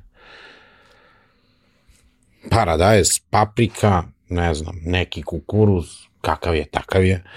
Mislim, ono, prirodno napran, to je to, ne znam, neka kokica tu koja može se upotrebi ili ne znam šta još, ne znam, neki moj sir, koji, neki sir koji mi je došao do mene i tako dalje. Zamisli, mislim, to sada kada bi šefovi počeli da uh, koncipiraju svoje delovanje na osnovu nekog izmišljenog ranča ili pravog ranča odakle, će, odakle bi se snabdevali time što je sve prirodno, organski i sada ubrano. Evo ja juče čupkam neko grožđe dok sam servirao neki sir sinoć zapravo i, i, i kažem baš ovom mom kolegi rekao, brate, da li je moguće da, su, da je ovo grožđe od prošle godine? mislim, zezamo se. Ali moguće je. Mislim, nije moguće, postoji, na, mislim, na drugoj strani sveta je druga klima, pa, znaš, pa se pre, ali opet dok se preveze treba mesec dana, mislim. E, to grožđe na, na, na, na stablu i, na, i, i, i mesec dana kasnije iz te plastike je potpuno druga, drug, drugi ukus i druga, druga, mislim, ono, sirovina. Ja se sećam, to, to je dosta prijatelja pričalo, ovaj, taj odlazak u Južnu Aziju i sve to i sad naravno o, južno voće koje je ovde dostupno, koje svi volimo i izvori vitamina C i svega ostaloga i svi ukusi koje volimo, ono, odrasli smo na njim. I kao, super je, super je. I banana i pomoranđa i sve i onda odeš tamo i probaš kako, je to stvarno kad ga ubereš sa drveta i kaže tako. to je kao, Tako je, kao da imaš sto puta pojačan ukus svega. Velika, ogromna je. Mnogi restorani, evo sada Michelin koji je ono, tema je u Srbiji, uh, ali je i tema i na, na, na globalna je tema to što su uh, 50 najboljih restorana sa Michelinove liste nekih, da i ne navodimo, ovaj su odlučili da je se da da da da da uh, prionu tom plant-based kuvanju ali od biljaka koji oni sami uzgajaju u svom dvorištu. Pa sad ili već se snabdevaju sa nekog ranča Lokalno. po imenu i prezimenu koji je tu, tako je. I ovaj, to je sada stvarno onako sustainability moment uh, za, za Michelin gde dobiješ sad kao zelenu detelinu pa je neka Mislim, ima tu hiljadu nekih još pravila da bi tu bio u toj grupi uh, Green Michelina, ali je dobra, dobra, dobra tema i mislim to je ono što utiče na zapravo trend. Jer je, jel te tako? Ono što moram isto da te pitam, to je situacija koja i dalje traje, ali možda ne onim intenzitetom kao pre, a to je činjenica da je COVID baš izuzetno ozbiljno pogodio industriju u kojoj si kojoj se nalaziš. Neki su tu bitku izgubili brzo, neki su pokušavali dugo da se izbore, neki su uspeli da se izbore, neki su napravili tranziciju, ali nikom nije bilo lako. Pa nije. Kako je to izgledalo iz, iz tvog ugla? Pa iz mog ugla svi su pukli. Svi do jednog, svi su izgubili. Mnogo. Jer ta neizvesnost da će se sutra rešiti a tebi taksimetar radi, je bio najveći, najteži udarac finansijski, a i svakojako. I mnogi životi su, o, mislim, da, to baš je bilo teško. E, to je bio moj drugi bankrut u životu. Korona. I hvala Bogu, brzo sam se oporavio, ali eto. Ne znam šta mnogo da kažem, da. Pa ne znam, mislim, stvarno, sve, što, sve, sve znamo, sve smo već rekli, muke, patnja, strahovi, neizvesnost, smrt, sve tu. Nije Ali imaš onaj moment, mislim da je o, to možda najstrašnije za sve. Koliko god da je strašno kad znaš koliko će da traje, to nije bitno. Tako. I najgoru stvar. To smo ono, poginuli u tome što ne znamo koliko traje. I ne, a ovo ne znaš koliko će da traje, svaki dan ne. se menja, suštinski i dalje traje ne. i verovatno će postati ne. sastavni deo naših života na, na duže staze. Ali da, bilo je vrlo traumatično za, za pa sve. Jeste, jeste. Dobro, mnoge stvari su se tu promenile i na tržištu i tu mnogi su, nisu otvorili, evo sad postoji problem, to nema dovoljno radne snage za ugostiteljstvo. Pa se mnogi restorani prosto ono pozatvarali i više nemaju opciju da se otvore jer nema ko da vodi, da nosi posao. Dakle, svaki ugostiteljski objekat je potreban neko ko će taj posao da radi i da, da nosi, da ga prosto živi. A mnogi od tih poslova su čisto investicioni. Mislim, Ne, mnogi ljudi su se prekvalifikovali. Jer... Mnogi jesu, da, a da, misliš na ove radnike iz ugostiteljstva su, da, i to isto, da, da, da, pa tu i nema ljudi, ali mislim, ne, teo sam da kažem da postoji mnogo ugostiteljskih objekata koji su podignuti na osnovu Uh, ne na, na, na, na, na, na, na bazi nekog ugostiteljstva i volje nekog ugostitelja da ima ugostiteljsku radnju, jer zna, jasno je da ugostiteljska ko preduzeće mora da ima tu osobu koja to mesto predstavlja, vodi neki način. Mislim, postoje neki lanci nečega, ali to je igra velikih cifara i uvek je na margini. Pa to, ako imaš na margini, ne znam, 5 miliona i vrtiš 20, 50, 100 iljada mesečno, mislim, zarađuješ, ok, ali to je mali biznis, ko vrti tolike milione u biznis. Mislim, iskarikirao sam ovo što ni, ni ne računam, samo izbacujem ovako na, na, na prvu. Tako da, zbog toga mora da postoji osoba koja će to da predstavlja i zbog toga je to povezano za, za, za, za nekakvu kreativnost. Pre nekih godinu i po dana, otprilike, kad smo već krenuli da pominjamo Michelin, ovaj, bilo je najavljeno da Michelin vodič po prvi put dolazi. Znamo da je u regionu već bilo nekih ovaj, restorana koji su završili kao preporuke, ali u Srbiji Mišane Vodič nikad nije bio i najavljeno da dolaze, da će obilaziti, analizirati, to je sve prilično uh, anonimno i ti ne znaš kad će šta da se desi, ideja i jeste da to bude neki objektivan presek.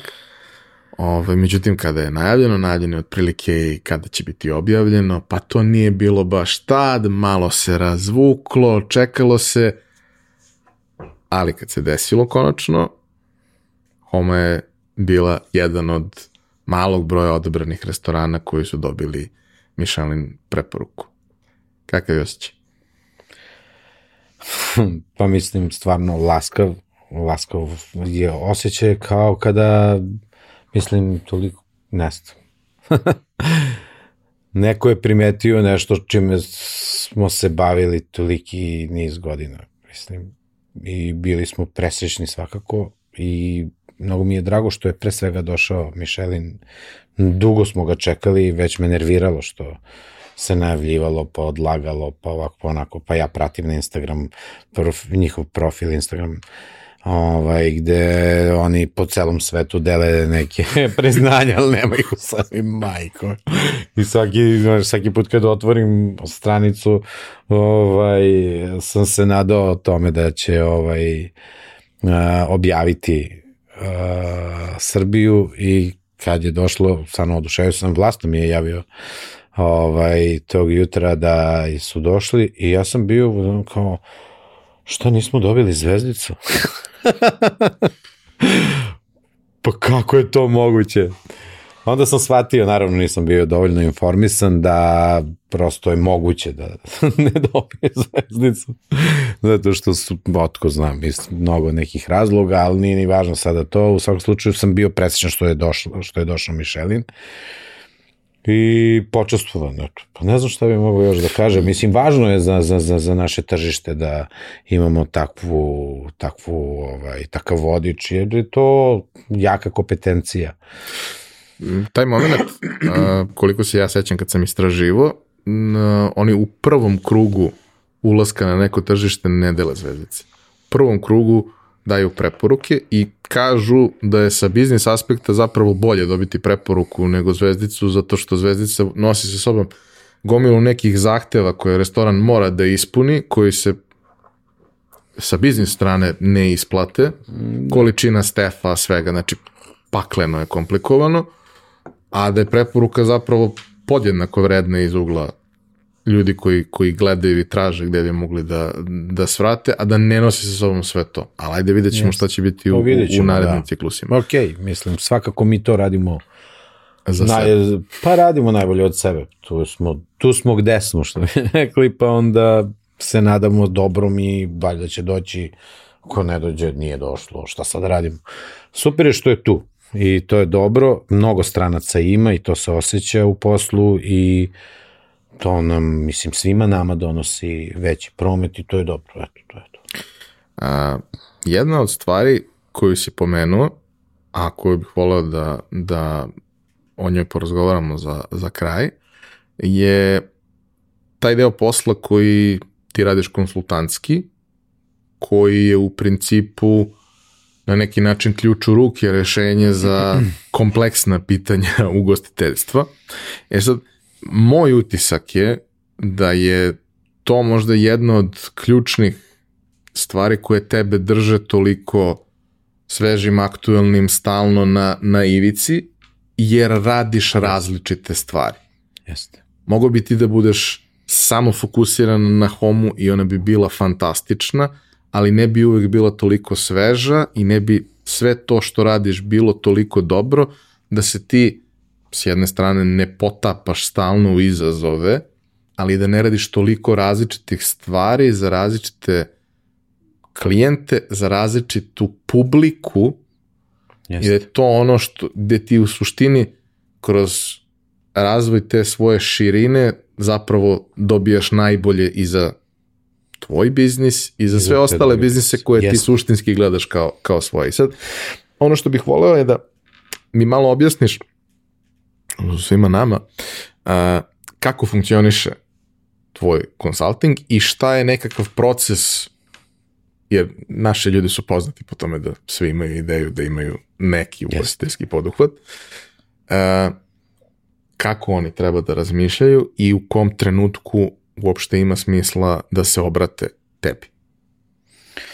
Da, pa da, tu je, uh, mislim, hvala ti na ovako dobrom uvodu u pitanje. Ovaj, pomogu si mi sada dosta. Hvala. A, e, pa pre svega kad pa pomenuli smo par puta to investicija i tako dalje, biznis, pa gde uložiti i tako dalje. I gostiteljstvo je stvarno super, lepo izgleda kada ti radi kafana, ti si samo investitor, pa u društvu si super, mislim, sve to i tebi lepo, imaš neki poseban tretman. I šta znam, svašta nešto. Uh, I to ovaj posao ne možeš da naučiš, uh, mislim, skupo je učiti na, na, na, na restoranu u kom si ti uložio i tako dalje, jer, znaš, ono, stopostopno verovatno ćeš da ćeš da promašiš, jer nisi ugostitelj, ne znaš posao, mislim, ne bi ni ja znao da budem zubar, kako. E, tako i, ovaj, mislim, ili bilo koja druga delatnost.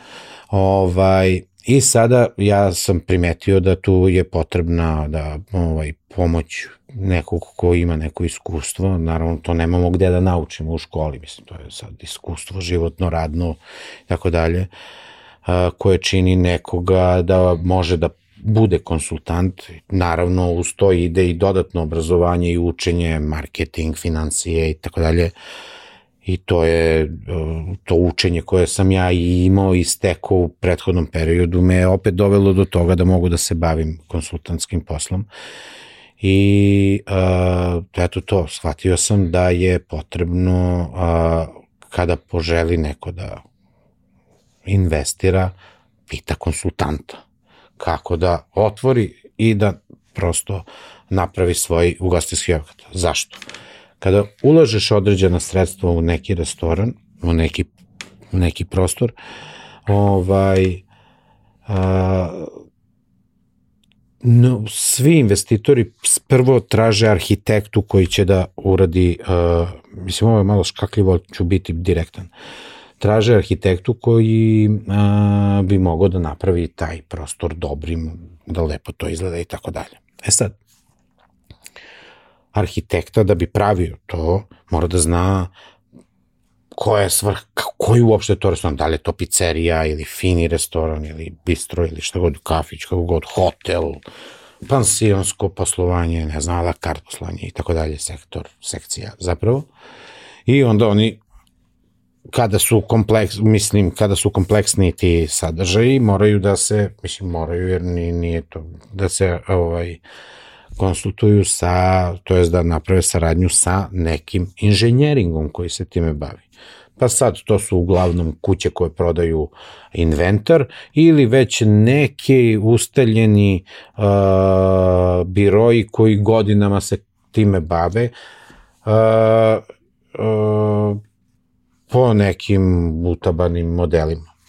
I onda meni tu malo bilo to, nije mi se sviđalo, lično meni, te sam ja ovaj, iz tog konsultinga napravio i taj inženjering da bi mogao da prosto i projektujem kuhinju koja bi bila u svrsi ideje i sadržaja koji mi tu izrađujem. Tu sam onda shvatio na no, svim mojim prethodnim iskustvima. I uvek sam, o, često mi se dešavalo, pogotovo u početku sad manje, ali dešava se i dalje, da sam dobio neke projekte gde su imali svoj predmer i predračun u nekim ciframa, u nekim modelima koji su bili potpuno promašeni za to što je investitoru potrebno. I ovaj, uvideo sam koliko tu se gubi stvarno se izgubim ne baš baš mnogo. I shvatio sam da je važno da postoji konsultant koji će dati know-how, biznis plan, zajedno sa inženjeringom koji će to da bude deo toga. I tako je moja firma nastala.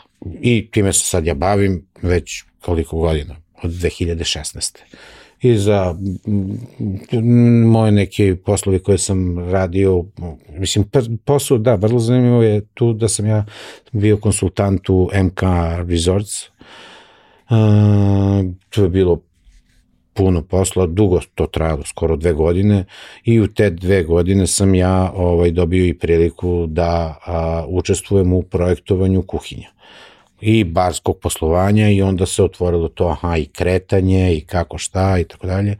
Već sam imao određeno iskustvo, imao sam dva izgrađena moja restorana pre toga, pre tog hotela i to je meni dalo vetar u leđa da se baš, baš posvetim tom inženjeringu i naravno otvorio sam taj, registrovao sam biro i pokrenuo se na taj način. Uh, kada sam to ovaj prvi put uh, uradio, napravio i eto to radi sad.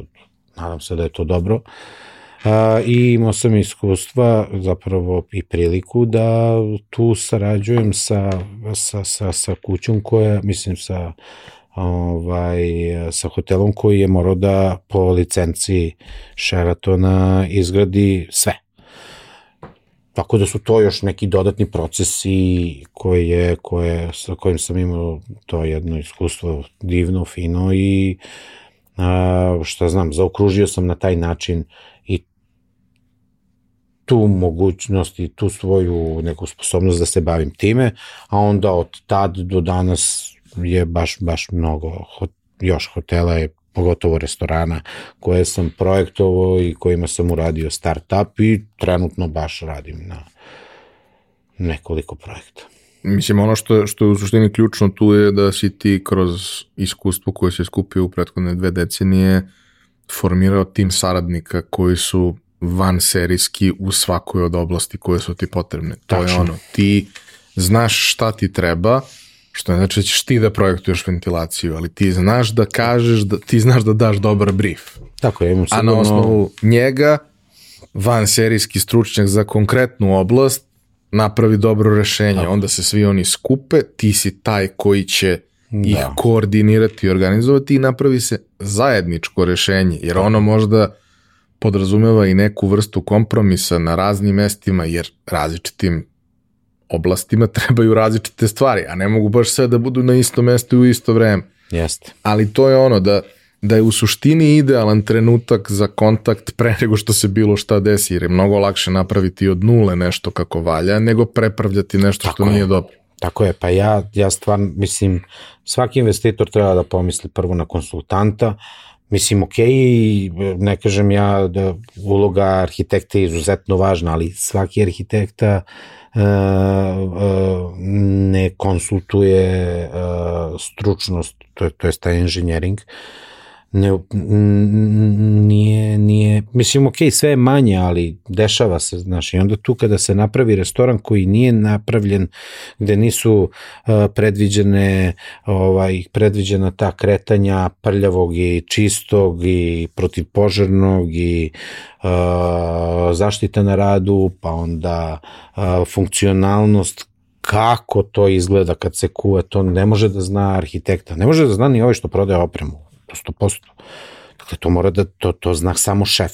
A ti kada otvaraš restoran, ti u mnogo prilika, mnogo slučajeva nemaš šefa da kaže e, hoću ovde špore, to ću ovde da mi bude, ne znam, sudopera, mislim šta god. Ja, vrlo često se pravi neka vrsta kompromisa da imaš spisak stvari koje treba da se smeste negde i onda ih smestiš. Da. A to što nije logično organizovano e. i što ljudi treba da Tako. preskaču jedni preko drugih, a prostora nema, to je sad... To e, posle otvara ta neka uska grla koja se, koja, koja postoje i ta uska grla sprečavaju optimizaciju poslovanja, jer ti ne možeš da, znaš ono, ako ti je kuhinja u podrumu, ti moraš da razmišljaš o tome da u jednom trenutku konobar ide dole da uzme to i sala je prazna, a ti u sali uvek moraš da imaš oči koje gledaju. I evo ti ga još jedan radnik. Odma. Ili lift. I mora da imaš. A ili lift, ali opet, opet on ide dole. I opet neko mora da gleda. Dakle, nikad, nikako dole. Kuhinja. Mora bude sve u ravni. Najosnovnija stvar, ali to se i dan danas dešava. Da, dobro, nekad si prosto ograničen prostorom u kome si ili koji si planirao da, da ne može sve da bude idealno. Sve se slaže. Ili galerije. Znaš, ono kao, pa ni voj, pa količina radne snage, pa onda to predimenzionisanje poslovanja, pa ne znam, u vreme komunizma je postojalo pravilo 70% objekta, a zapravo od 100% objekta, objekta 30% objekta je samo za usluživanje, znači gde ljudi mogu da sednu, da jedu, piju šta god, a 70% objekta ti je proizvodnja, skladištenje, funkcionisanje. Komunizam. Danas, obratno. A ja se trudim da bude na pola. Jer... Pošto postoje malo savremenije mašine i drugačije procedure i drugačije dolazi roba i tada i tada. Jer onih 70% Ali... ne može da stane u 30. da. E, i onda kao... I sad postoje stvarno i te mašine, mislim sad tu ima svako pristupa na svoj način i svako mislim, može da ti se desi tebi kao, preduze, kao investitoru uh, da se desi taj uh, konsultant, to jest inženjering za kuhinju koji ima taj komunistički poriv gde ti stavlja ljuštilicu za krompir u restoranu za 50 mesta, gde ti ne koristiš više od, ne znam, 500 grama krompira ili kilo krompira, pa i koristiš i 3 kile krompira dnevno. Mislim, drugačije se kuva, to hoću da kažem, i drugačije se, pe... i sve zavisi. Mislim, tako. Ljušticu za krompir, to ima smisla u hotelskom pas, pansionskom poslovanju, gde se sad hrani 500 ljudi u hotelu i treba da se napravi ne znam koliko, koja količina pečenog krompira, pa ok, ljuštilica, da, ali šta će meni u restoranu za 50? I onda tu ti oduzme neko mesto, pa onda to tako. Mislim, ima tu... I pojede neki budžet. A, e, to je, da.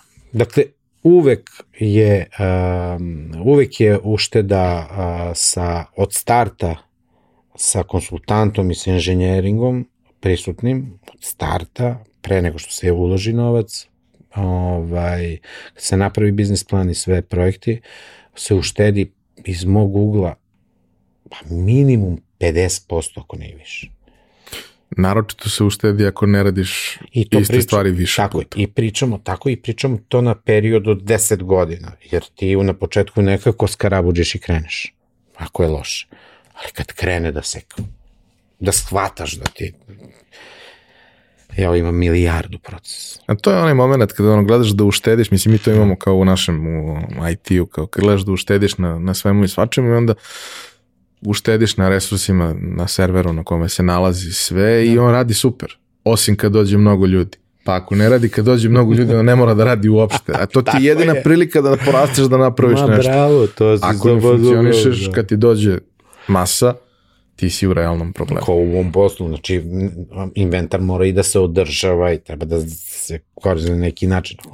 Znaš, i onda ako kupiš nešto što uh, ne znam, najgluplja situacija je problem, na primer deporator koji je omekšivač vode u koji, koji može da bude manuelni ili ne znam digitalni, pa onda u manuelnom to treba da stavlja ljudski faktor, treba ova žena što pere posuđe da stavlja određenu količinu soli da bi se ovaj uh, skidao kamenac ili kiseline, ne znam tačno šta, tačno koliko treba, treba da se meri, da se gleda, treba svaki dan to da proveravaš. Mislim, to je jedna od, od funkcija koje mora da obavi.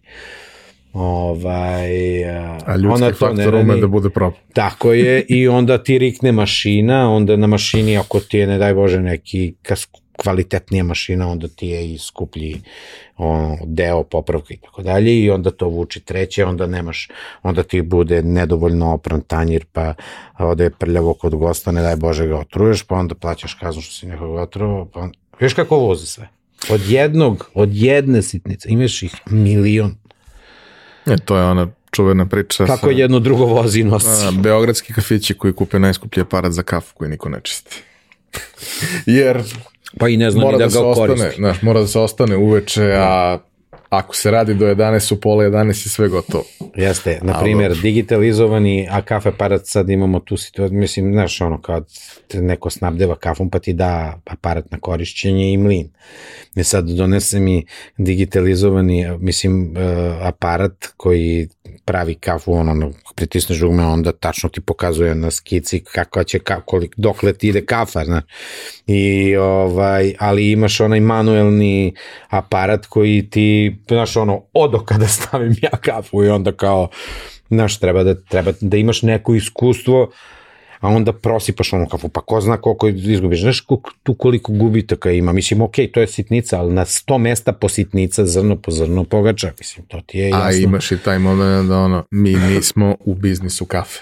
A nismo u biznisu kafe, nego da. A gde je hrana? Gde je to? Evo, na primjer, imamo, ja stalno tu sa mojim uh, kuvarima, ja ne znam, imaju ponekad taj problem za neku radnju da uvedu u naviku.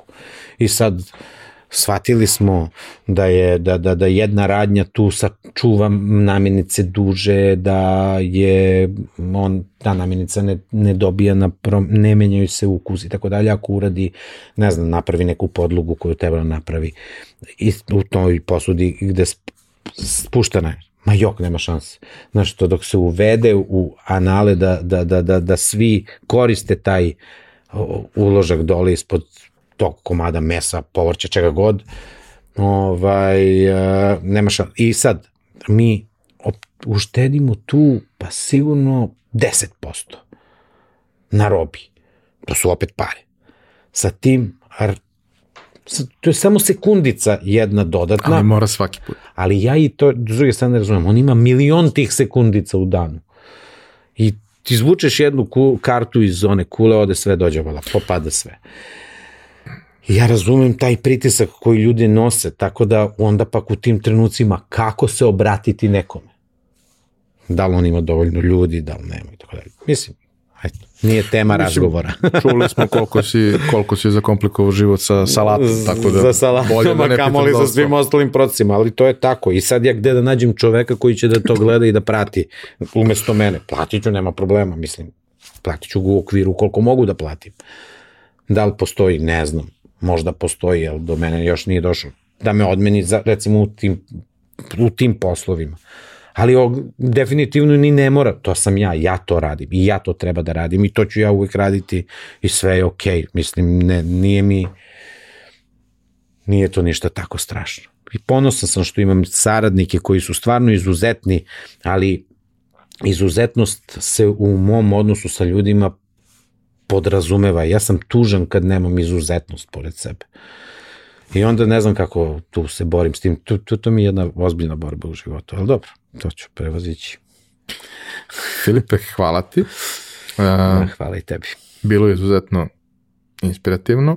A, hvala ti što si bio gost, a hvala ti i što si uradio sve što si uradio i što si imao hrabrosti da u nekim situacijama u životu napraviš iskoroke koje normalne osobe ne bi napravile. Zato mi ovde skupljamo ljude sa dijagnozama. Da. Hvala vama što ste nas slušali i gledali. Kao i do sad, sva pitanja, sugestije ili ako želite kontakt ili bilo što slično, pišite ili na YouTube-u ili nam pišite na Instagramu, na mail, bilo gde. To bi bilo to za ovu nedelju. Vidimo se ponovo naredne nedelje.